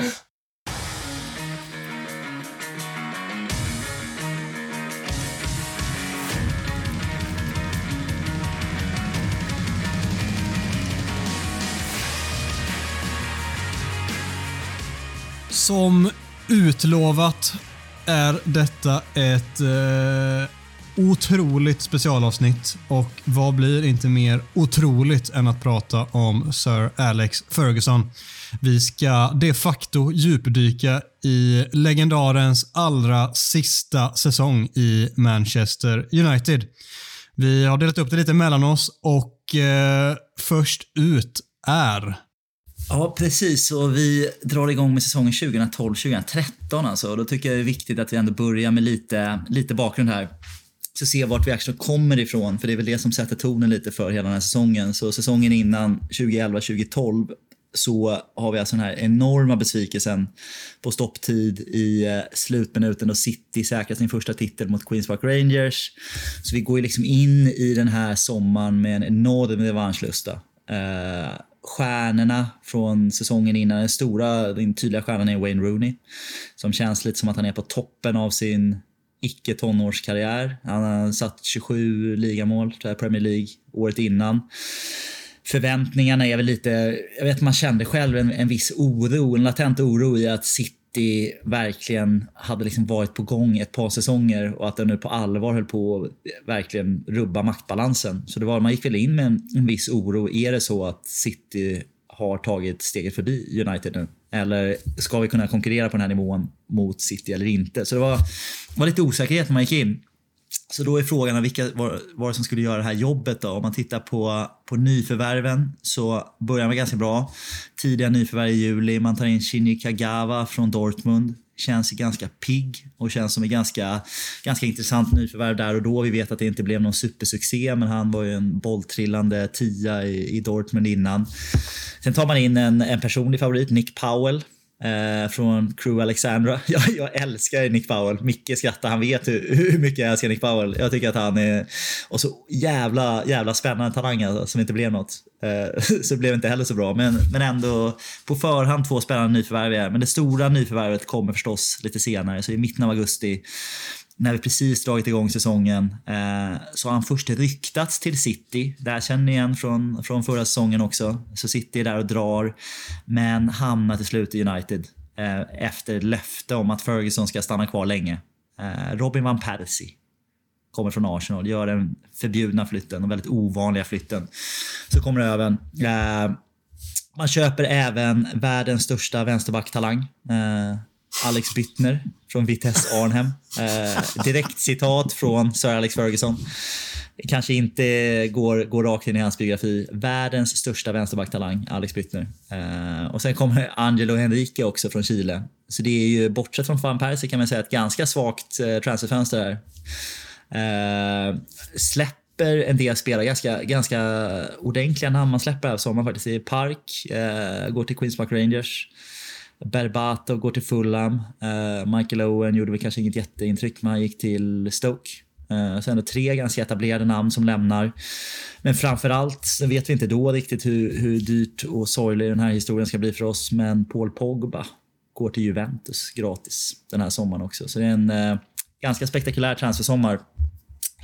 Så vad blir det då för trupp då när man, när man börjar, börjar titta på vad vi har för, för resurser här? Målvakterna de Gea förstås och Lindegard, eh, dansken, som inte får så jättemycket speltid. Eh, I backlinjen, eh, om vi bara rabblar igenom snabbt här, så Rafael, Evra, Jones Smalling, Ferdinand Vidic, Evans och Byttner förstås då, Alex Byttner. Eh, ett mittfält, Valencia, Andersson, Giggs, Carrick, Nani, Young, Scholes, Cleverly, Kagawa. Så det är väl Carrick som ska vara den stora mittfältsledaren där tillsammans med Scholes. Eh, och på anfallet så har vi det här är en jävla anfallsuppsättning. Alltså Rooney, Chicharito, Welbeck, Van Persie. Starka namn alltså. Det, det hade man tagit idag alltså.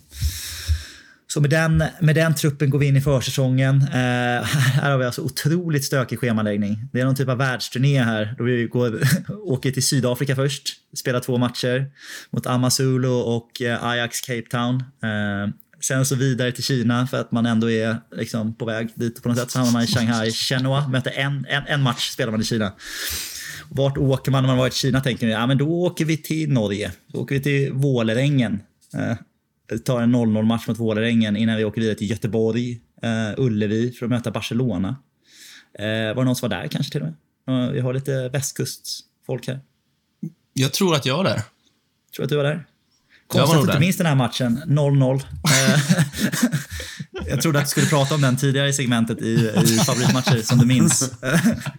Träningsmatchen på Ullevi mot Barcelona. Ingen succématch. Vi, alltså, vi spelar fem matcher här. Två mot sydafrikansk motstånd, en Kina, Vålerengen och Barcelona gör tre mål eh, på fem matcher. Så alltså 0-0 mot Vålerengen, 0-0 mot Barcelona. 0-0 eh, mot uh, Amazulu i Sydafrika också. Ingen, ingen vidare. Och så avslutar vi då naturligtvis då när man har varit i Sydafrika, Kina, Norge och Göteborg så åker man till Tyskland uh, och möter Hannover borta av någon jävla anledning. Uh, där vinner vi med 4-3 däremot. Så gå in med lite vind i seglen, tänker man då när vi ska in i första matchen i Premier League som är borta på Goodison Park mot Everton och där ska väl tonen för hela säsongen sättas va? Eller? Det kunde man tro. Men det blev, eh, det var väl lite pyspunka direkt där. En viss belgare som inte kom med på Mickes frisyrlista. Viss mikrofon. Knoppade in en, en hörna där i andra halvlek och det blev en, en, en tung start. Everton borta är inte roligt att få i premiären och speciellt inte och torskar den när Fellaini gör mål. Eh, så det var lite uppförsbacke direkt där. Mm. Och det, om jag inte minns fel, spelade, van Persie startade inte, han hoppade in i den här matchen va? Så man kan egentligen säga att van Persie kliver väl inte in i handlingen riktigt där direkt, utan det är ju i, i omgång två mot, eh, mot Fulham på Old Trafford, där han gör hans första mål är otroligt. Alltså, kommer ni ihåg det här? Mm. Kommer du ihåg van Persies första mål? Han möter med vänsterfoten mm. och drar den i höger Jag kommer ihåg att man direkt tänker att så här, det där är ett mål vi, vi hade inte det där målet i truppen säsongen innan. Det finns bara en spelare i världen just nu som kan göra det där målet och det är Van Persie. Mm. Sånt jävla mål. Det är ett halvtaskigt inlägg av Evra. Liksom. Det är en sån eh, chansboll in som studsar upp i knähöjd och han bara sätter dit bredsidan och in i bortre. Det är vackert. Eh, det blir... Det, egentligen inledningen av den här säsongen är lite halv... Det är svajigt defensivt. Alltså. Det är en del mål som släpps in. Vi vinner den matchen med 3-2, men jag, jag, jag, har ett minne av att, att det, är, det är inte långt ifrån en 3-3 i slutet där. Då möter vi ändå ett fulla med Damien Duff i spetsen. Det är, det är så att försvararna skakar när man hör namnet. Sen, sen har vi en, direkt efter det har vi ju Southampton borta, där van Persie igen visar varför Ferguson verkligen vill ha honom. Är, han missar en straff den matchen, kommer du ihåg?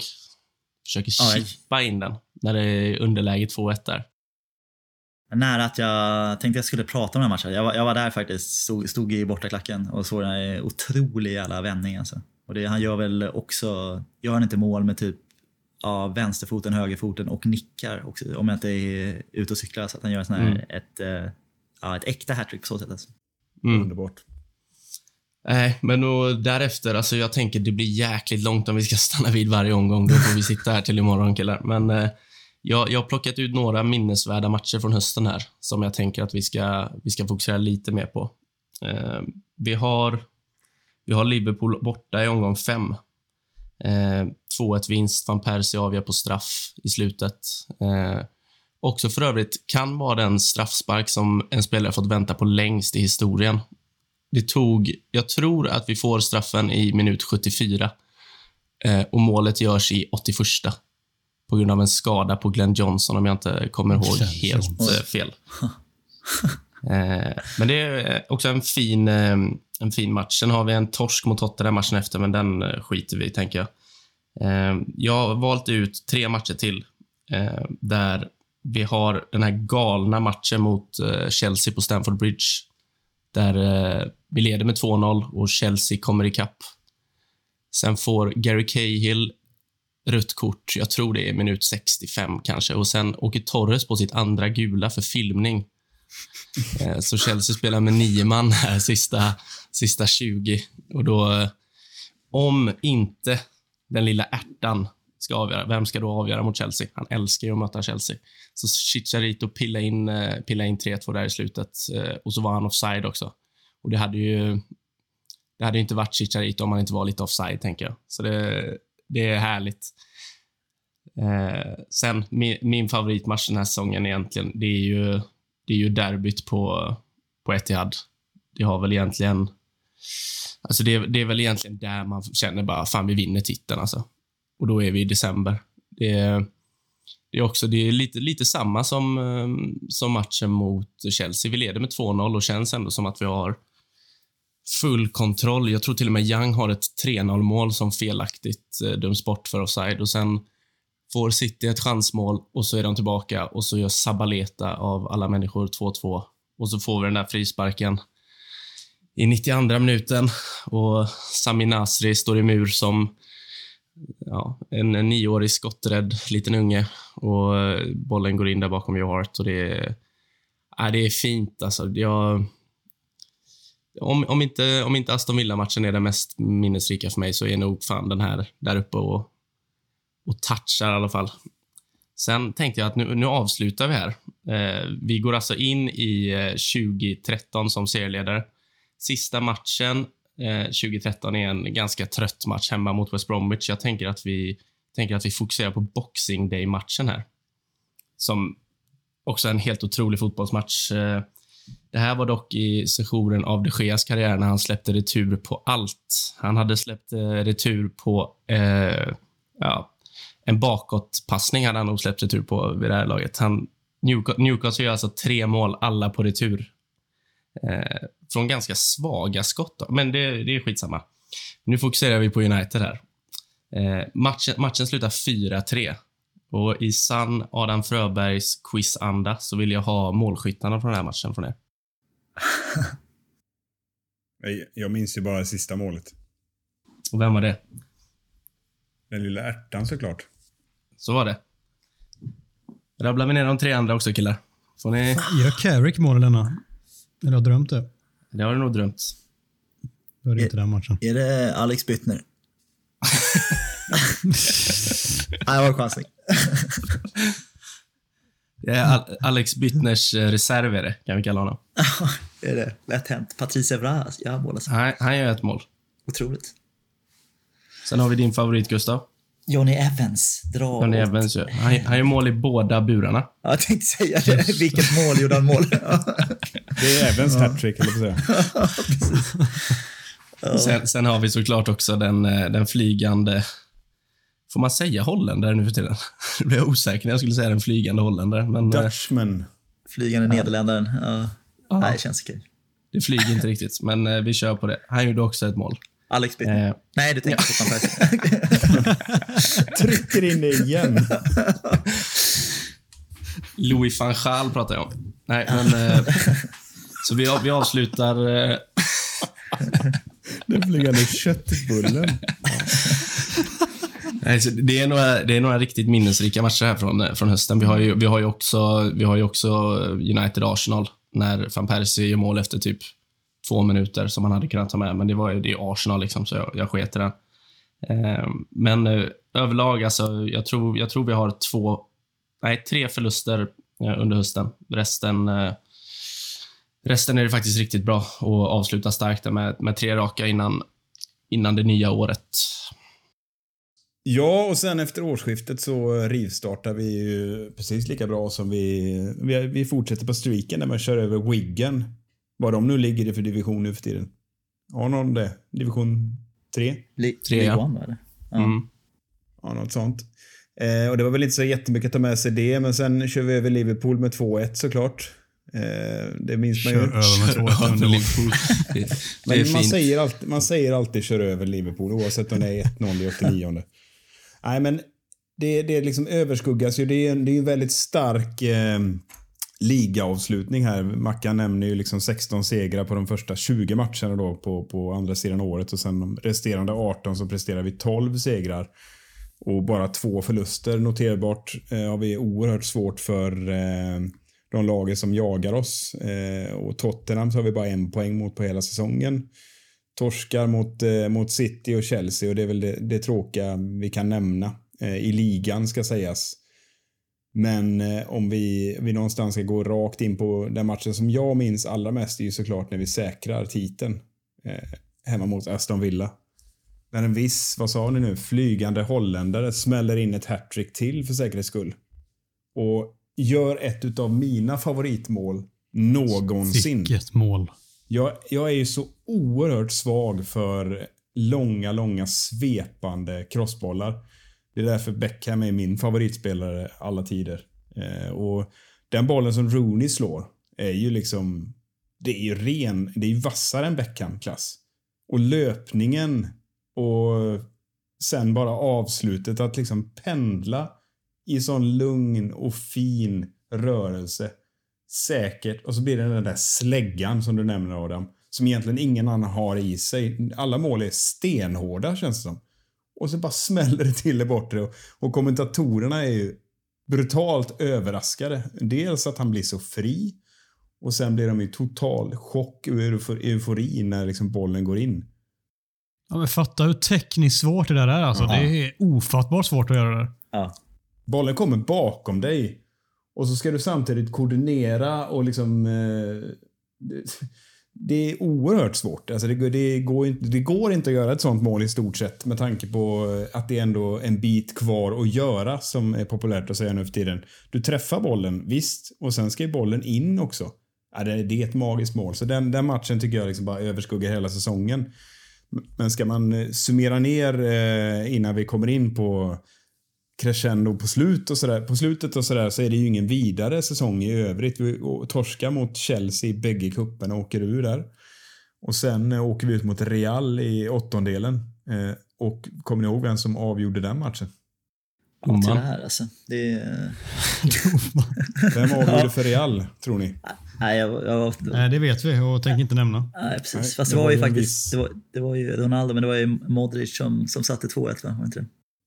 Ja, det var ändå vidrigt att Ronaldo var där och... och eh, Men det var ändå så här, jag, jag känner det här, är, det här är en varm säsong för mig. Det här är min första säsong som säsongskortsinnehavare på vad som började i början av säsongen hette det The North Stand och på slutet av säsongen så hette det Sir Alex Ferguson Stand. Och det blev lite symboliskt för hur den här säsongen artade sig. Men jag kommer just den Champions League-matchen är också, också en match jag hade kunnat prata om för det för mig är ståpäls i den mest magiska stämning jag någonsin har upplevt på, på Old Trafford. Det är att i dubbel, i dubbel bemärkelse, det är otroligt att det, det blir som det blir nu och vi kommer ihåg Nanis Nanis utvisning och hur det förändrade matchen när vi spelar så jävla bra mot ett Real Madrid som är så jävla bra. Där vi i grund och botten är i fas för att kunna slå ut dem. Men det är också innan matchen, det är Ryan Giggs tusende match, professionella fotbollsmatch, inte för United men inkluderat landslag, eh, så är det hans tusende match. Så han har liksom stående ovationer i typ 10 minuter eh, när matchen har börjat. Eh, det är Cristiano Ronaldos första match på Old Trafford eh, som återkomst till, till United. Och även där så är det ju, alltså han hyllas ju otroligt mycket trots att han är motståndare. Och eh, för er som minns när han sätter, petar in 1-1 på bortre stolpen så eh, är det ju upp med båda händerna i, i, eh, i luften och ber om ursäkt. Gesten, så det är inget, inget stort Ronaldo-firande utan extremt stor respekt för fansen. Och även efter, efter slutsignalen så är han ju framme och kramar om Sir Alex Ferguson det första han gör och eh, ja, hyllar publiken och eh, väldigt respektfull i både han och Mourinho som är tränare för Real Madrid väldigt respektfulla för United och deras insats, eller vår insats, att vi nog var mer välförtjänta och, och vinna den matchen. Uh, så det, jag tycker det är ju, det är inte bara en parentes Micke, den matchen. Jag tycker det är, det är på något sätt en, äh, men det är en ganska nyckelmatch den säsongen. Jag tänkte ur, ur ett liga kontra övriga kupperperspektiv så, eh, så, så kan man väl säga att allt går ju vägen i ligan och, och, och inte riktigt eh, i, i kupperna så att säga. Men, men Adam, vi börjar närma oss slutet på säsongen. Jag tänkte du skulle få ta lyssnarna med. Vad är det som händer de sista två matcherna? Ja, jag ska börja lite i fel ordning här. Sir Alex sista match var mot West Bromwich på bortaplan. En match som slutade i häpnadsväckande 5-5. Tråkigt att han inte fick vinna i sista matchen, säger vissa. Alldeles perfekt, säger jag. För faktum är att 5-5 var ett resultat som Sir Alex aldrig någonsin hade spelat tidigare. Och vad är inte mer symboliskt än det? Sir Alex Ferguson skulle givetvis bryta ny mark med Manchester United från start till mål. Mackan, jag tänkte köra en liknande grej som dig, men faktiskt bara fråga dig rakt ut, för jag vet att du har sånt otroligt detaljminne. Vilka gjorde Uniteds mål i den här 5-5 matchen? Vi har ju otroliga Jonas Olsson står ju för ett självmål. Sen har vi, eh, sen har vi Shinji Kagawa i mål. Chicharito i mål.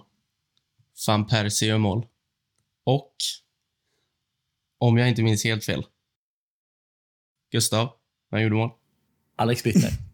Nej. Ja. Alex Bittner har vi. Världens bästa vänsterback. Där fick vi in honom till slut. Otroligt. Helt otroligt. Och um, Som en liten, liten parentes så gjorde ju faktiskt Romelu Lukaku ett hattrick i den här matchen. Det var innan han började slå igenom ordentligt var utlånad till West Bromwich. Men eh, 5-5 i all ära. Det är givetvis den sista hemmamatchen som är den allra mest minnesvärda. United tog emot Swansea hemma på Old Trafford och det var givetvis uppdukat för fest. Vi såg flaggor och Champions-text överallt när de båda lagen ställde upp för en Guard of Honor för att hedra Sir Alex Ferguson när han äntrade gräset. Inte helt osymboliskt skulle matchen sluta med ett sent segermål. Visserligen inte på tilläggstid, men jag väljer att kalla den 87 minuten för Fergie time ändå. Rio Ferdinand fick trycka in segermålet framför Stratford End och eh, Ferguson blev en vinnare även i sin sista hemmamatch. Givetvis fick han ta emot guldmedaljen framför en vilt firande publik. Givetvis fick han lyfta den anrika Premier League-pokalen med hysteriskt glada spelare hoppandes runt sig. Men framförallt finns det ett visst tal som vi ska göra ett avstamp vid. Ett tal som sker nere på Old Traffords gräsmatta efter att Jonathan Moss visslat av matchen och de vildaste scenerna lagt sig. En uppenbart helberörd Sir Alex Ferguson från topp till tå vandrar runt längs gräset och talar direkt till publiken. Direkt till supportrarna. De som har stöttat, älskat och avgudat honom i så många år. One man who has been part of the tapestry of the history of this club has won five FA Cups, four League Cups, ten Charity Community Shields, one European Cup Winners' Cup, one European Super Cup, two Champions League titles, Intercontinental Cup, one FIFA Club World Cup, and 13 Premier League titles. The impossible dream made possible by the greatest British manager ever, Sir Alex Ferguson.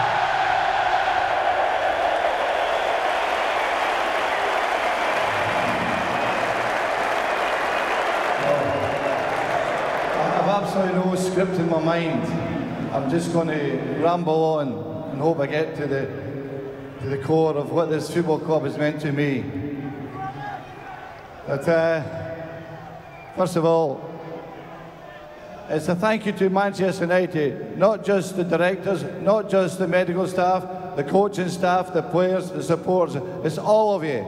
You have been the most fantastic experience of my life. Thank you.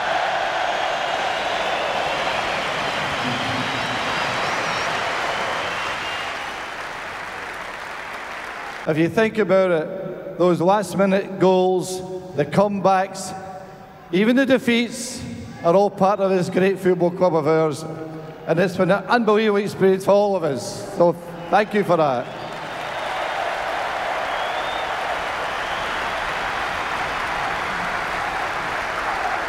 I'd also, I'd also like to remind you that when we had bad times here, the club stood by me. All my staff stood by me. The players stood by me. Your job now is to stand by our new manager.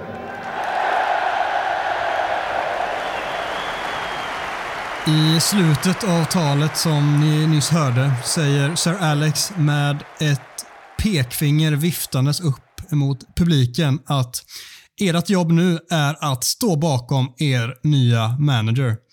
Vad som hände sen med David Moyes som fick sparken efter mindre än en säsong i klubben har alla koll på vid det här laget. Men innan vi landar in i det, vad, vad säger ni? Går det ens att greppa hur stor Sir Alex Ferguson var och är för den här klubben? För vi måste ändå landa i den diskussionen i slutändan. Ja, alltså, jag bara, om vi bara går till min eh, omedelbara reaktion med, vid, vid det här talet eller runt den matchen. Jag njöt inte alls. Det var bara vemod för mig. Det var bara ångest. Eh, jag måste faktiskt säga det. För jag, I och med att vi var klara redan innan och liksom det var, var den här känslan att vi fortfarande är oslagbara. Så kände jag mest vemod och lite rädsla inför framtiden. Och det, det, det är lätt att hitta på nu, kan en del invända då, tio år senare. Men eh, för mig var det bara sorgligt och jobbigt. Jag eh, minns att jag grät en skvätt såklart. Jag tror kanske andra gjorde det också. Men jag brukar göra det, bli känslig i de lägena. Men äh, det, var, det var jobbigt och det var en jobbig skilsmässa för mig. Det är mitt starkaste minne. Jag kan dela det. Jag minns på när, när man var var på den matchen att det är kanske den konstigaste stämning. Om det var en av de bästa stämningarna på Real Madrid-matchen några månader innan så var det nog en av de konstigaste stämningarna på Old Trafford. Där man bara kände att det var, det var någon typ av glädje för vi hade precis vunnit Premier League. Eh, men en extrem oro för att hur, hur gör man när man ska ha en ny tränare efter 26 år. Eh, de, väldigt många som var där hade aldrig, inkluderat mig själv, eh, behövt leva igenom ett tränarbyte i, i vår favoritklubb någonsin. Så man kände att det var en väldigt, väldigt konstig stämning och på något sätt så var det, det känns som att hela matchen blev symbolisk för det. För det var inte heller, det var ingen kanonprestation mot Swansea hemma utan det var ju ganska krampaktigt att det stod 1-1 eh, och det såg väl länge ut att det skulle sluta 1-1 eh, om det inte vore för den där hörnan som damp ner framför Rio Ferdinand. Men eh, ja, det är väldigt mycket, mycket oro. Eh, David Moyes var väl klar vid det här laget som sagt. Då, då. Men eh, ja, det var en konstig stämning. Vad känner du Mackan? För mig var det lite som, jag ska inte dra det hela vägen och säga att en begravningsstämning, men det var lite åt det hållet. Det var väldigt, väldigt märkligt och Gustav har ju beskrivit hur det var på plats. Vi kan ju bara bedöma vad vi kände framför tv-apparaten på den tiden. Men jag kände lite åt en begravningsstämning samtidigt som det fanns någonting eh, som fanns där bakom som ändå var intresserad och ville veta vad som komma skall. Och som man får ångra det så här i efterhand. Men där då satt man och tänkte på vad, alltså Manchester United utan Sir Alex. var det finns ju ändå någonting där. Vad, vad sker? Vad tar vi vägen? Det, nu önskar jag att jag inte fick veta det, men det gjorde jag lite grann där och då. Mackan, vad tänkte du där och då? Vad kände du? Kommer du ihåg det? Alltså, eh, en, en, stor, en stor sorg. Och alltså, fan, jag var, hur gammal var jag? 18 år. Jag har liksom aldrig upplevt något annat än att eh, United är bäst och så länge, så länge Ferguson var vid rodret så var man liksom aldrig, aldrig ens osäker. Eh, så det var väl lite... Ja, alltså, jag vet inte om, det, om rädsla är rätt ord, men det, ja, li, lite, lite rädd för vad framtiden hade. Att utvisa och en stor sorg över att inte få, få ha Ferguson på tränarbänken längre. Så det, jag vet inte, jag var... Alltså, den, hela den matchen, förutom Ferdinands mål. För övrigt är, är det typ det hårdaste skottet någon har skjutit på Old Trafford någonsin. Alltså, träff, träff, träffar den Swansea-backen så flyger ju huvudet av honom. Alltså, det är 300 kilometer rätt in. Ja, men eh, nej, men det var jäkligt, jäkligt ledsamt alltså. Och sen... Eh, nu vet man också hur det gick, liksom, men det var, eh, det var nog... Jag vet inte, det var, det var mycket... Det var osäkerhet och stor sorg, tror jag. Det var nog så jag kände. Ja, givetvis var man livrädd för vad som skulle ske och det var ju allas våran, eller vad ska vi kalla det, farfar, morfar som på något vis skulle lämna oss trots att han fanns kvar vid liv så skulle han inte basa över den här klubben som han gjort i så många år och som du säger, det var ju garanterad framgång och det försvann nu. Och det, det fanns något spännande med det men det är också alltså, livrädd, totalt livrädd för vad som komma skulle också.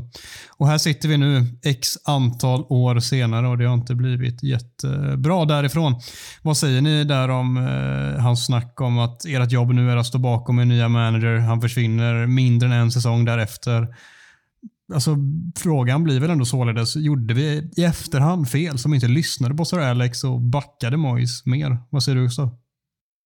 Ah, jag misstänker att Sir Alex Ferguson var med i beslutsfattandet även när man rev kontraktet efter, efter 9-10 månader. Det är, min, det är min gissning, men jag, jag vet inte. Men eh, jag, jag har länge sagt att faktiskt ett av de, ett av de större misstagen som Glazers eller Woodward har gjort, de får mycket kritik, inte lika mycket kritik av mig som av andra United-fans, men det är att man inte hade mer tålamod med, med David Moyes. Jag tycker att det är, utöver det så har man gjort det bästa man har kunnat med de rekryteringar med van Gaal och Mourinho etc. som man har gjort. Men eh, Moyes tycker jag man gick fel på. Jag tycker man skulle ha gett honom, man skulle gett honom ett ordentligt transferfönster i alla fall som inte innefattade bara Fellaini. Eh, det är liksom inte, det är inte riktigt schysst med den truppen. Sen så kom han, han kom in dåligt, det blev liksom dåligt redan från början. Det var försäsongsläger, de var ute och joggade på någon jävla beach eller på någon strand någonstans där det var massa fans som attackerade dem och han fick massa kritik för att sen, han måste förstå att han är en stor klubb nu och man kan inte ta ut spelarna på publika stränder. Det kanske funkar när man är Everton. Så han, liksom, han, fick, han tappade ju respekten väldigt tidigt så det blev väl kanske ohållbart. Men jag, ja, om det inte hade hänt som det hände där känner jag att David Moyes borde ha varit en toppkandidat för ett United-jobb nu i sommar. Eh, om man tittar på hur han har, han har presterat som manager, eh, framförallt senaste åren. Men, men där tror jag att vi gjorde ett misstag. Och eh, På något sätt har ju narrativet eh, med årens gång blivit mer och mer att Sir Alex kanske inte borde vara med i några som helst beslut längre. Det, sen är det klart jättesvårt för oss att veta hur mycket han faktiskt är med i besluten som har tagits, men det vi kan veta är att han har funnits med på något litet hörn i alla fall.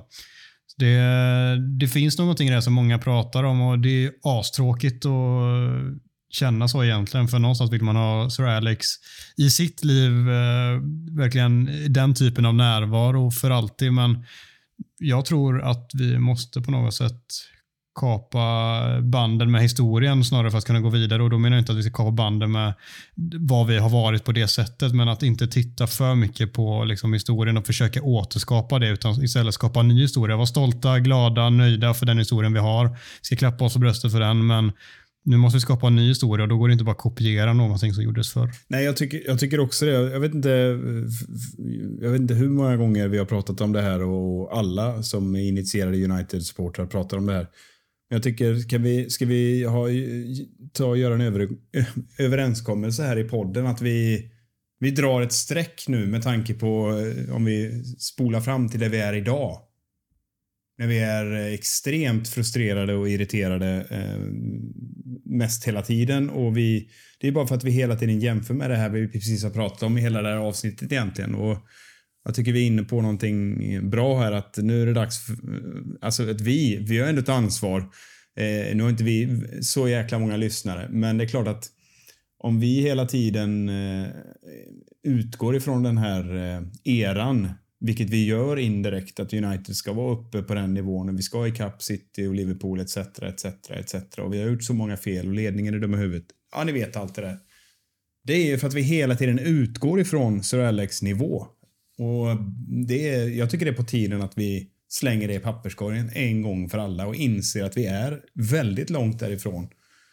Och vi bör eh, dra en, en ny tids... Dra ett streck i tids... Eh, på tidslinjen liksom och börja titta framåt från och med nu istället för att använda den här säsongen 2012-2013 som någon slags vågskål till det vi är idag. Ja, jag, jag håller med, men eh, vill bara säga det att om vi, om vi kan ta med oss något mer från, eh, från hans avslutande tal där, så vi är ju inne i alltså, en ganska liknande situation hur en ny tränare ska in eh, i sommar och eh, oavsett om det blir Ten Hag, Pochettino, Lopetegui, Enrique, Sam Allardyce, eh, Roy Hodgson, vem, vem, vem det än blir. Så alltså, nu, nu, nu, nu är vi inne i den fasen där, alltså, där våra förväntningar måste ställas om. Och Den tränaren som kommer in, det är inte så att det kommer ta en sommar, ett halvår, ett år, utan han, är, han måste få tid. Liksom. Det, det, ska byggas om en helt ny trupp, trupp i stort sett. Och Det kommer inte innebära framgång på kort tid. Förhoppningsvis innebär det framgång på lite längre tid. Men det, det bara, jag tycker bara att vi ska landa i att ta med oss vad Ferguson sa där. Stötta er nästa tränare genom, genom bra tider, genom sämre tider. För det, det kommer vi behöva. Annars kommer vi sitta här varje vecka och komma tillbaka till det här. Det var bättre förr, det var bättre förr. Jo, jo, det vet vi.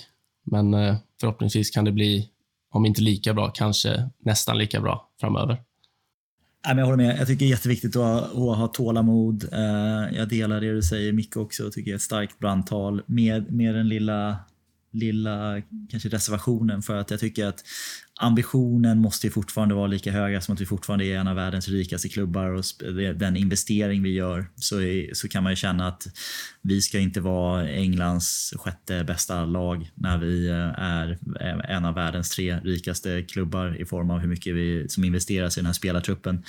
Men sen så är det ju, det finns ingen, ingen nytta längre att försöka jämföra med, som ni säger, använda säsongen 2012-13 eller Fergusons framgångar som någon typ av av måttstock. Utom vi får titta på de andra sex till åtta rika klubbarna i Europa och titta på deras framgång. Och är det någonting vi ska mäta oss emot så är det varför Chelsea kan ha lyckats hålla sig kvar på den nivån eh, titt som tätt. Eller City och Liverpool nu senaste åren och Real Madrid och Barcelona etc. Det är där vi ska jämföras med på sikt. Och där har vi underpresterat. Men eh, tålamod är nog, är nog nyckeln nu oavsett vilken tränare det blir. Och framförallt så hoppas vi väl på en rejäl om, ombyggnation. Målbilden ska givetvis alltid vara att vi ska vara bäst. Det är inte det det handlar om. Det är bara sättet som vi ska ta oss dit som behöver förändras. Inte snegla tillbaka vad som gjordes förr, utan titta på vad de allra bästa gör. Ligga i framkant där och inte titta bakåt. Vi tittar framåt framöver och ser vad som är vägvinnande idag, inte för 10, 15, 20, 30 år sedan. Mm, jag tycker det, det var kanonbra summerat Adam. För det, jag håller med. Klart som fan vi ska upp, upp på nivå igen. Men eh, släpp bagaget nu en gång för alla. Nu har vi, nu har vi tragglat det. Så det, det är nya, fina, friska tag som gäller. Sen vill jag bara säga som en parentes då, att jag, jag håller inte riktigt med där med Ferguson. Jag tycker att han, han är Manchester United så han, han, får ta vilka beslut han vill. Om han vill sätta Edgar David som tränare så står jag bakom det 100%. 100%. Även om man vill ha in uh, Byttner som vänsterback på tioårskontrakt. Särskilt, särskilt om man vill ha in Byttner. Det, det hade varit fint. Jag, back, jag backar det. 100%. Ja, ja. ja, längtar till vi presenterar Byttner i sommar. Fan vad gött det ska bli. Mm. Ja, det, det var ett långt avsnitt detta. Ett så kallat mastodontavsnitt. Hoppas att ni som har lyssnat har tyckt om det. Vi eh, ska inte sticka under stol med att vi älskar att snegla tillbaka mot, mot historien på det här sättet. Inte så som Manchester United ska göra framöver, utan gotta oss i nostalgin och det, den fina historia som den här klubben har. Den är unik, den är fantastisk, den är underbar. Tack snälla för att ni har lyssnat på det här avsnittet så hörs vi igen nästa vecka.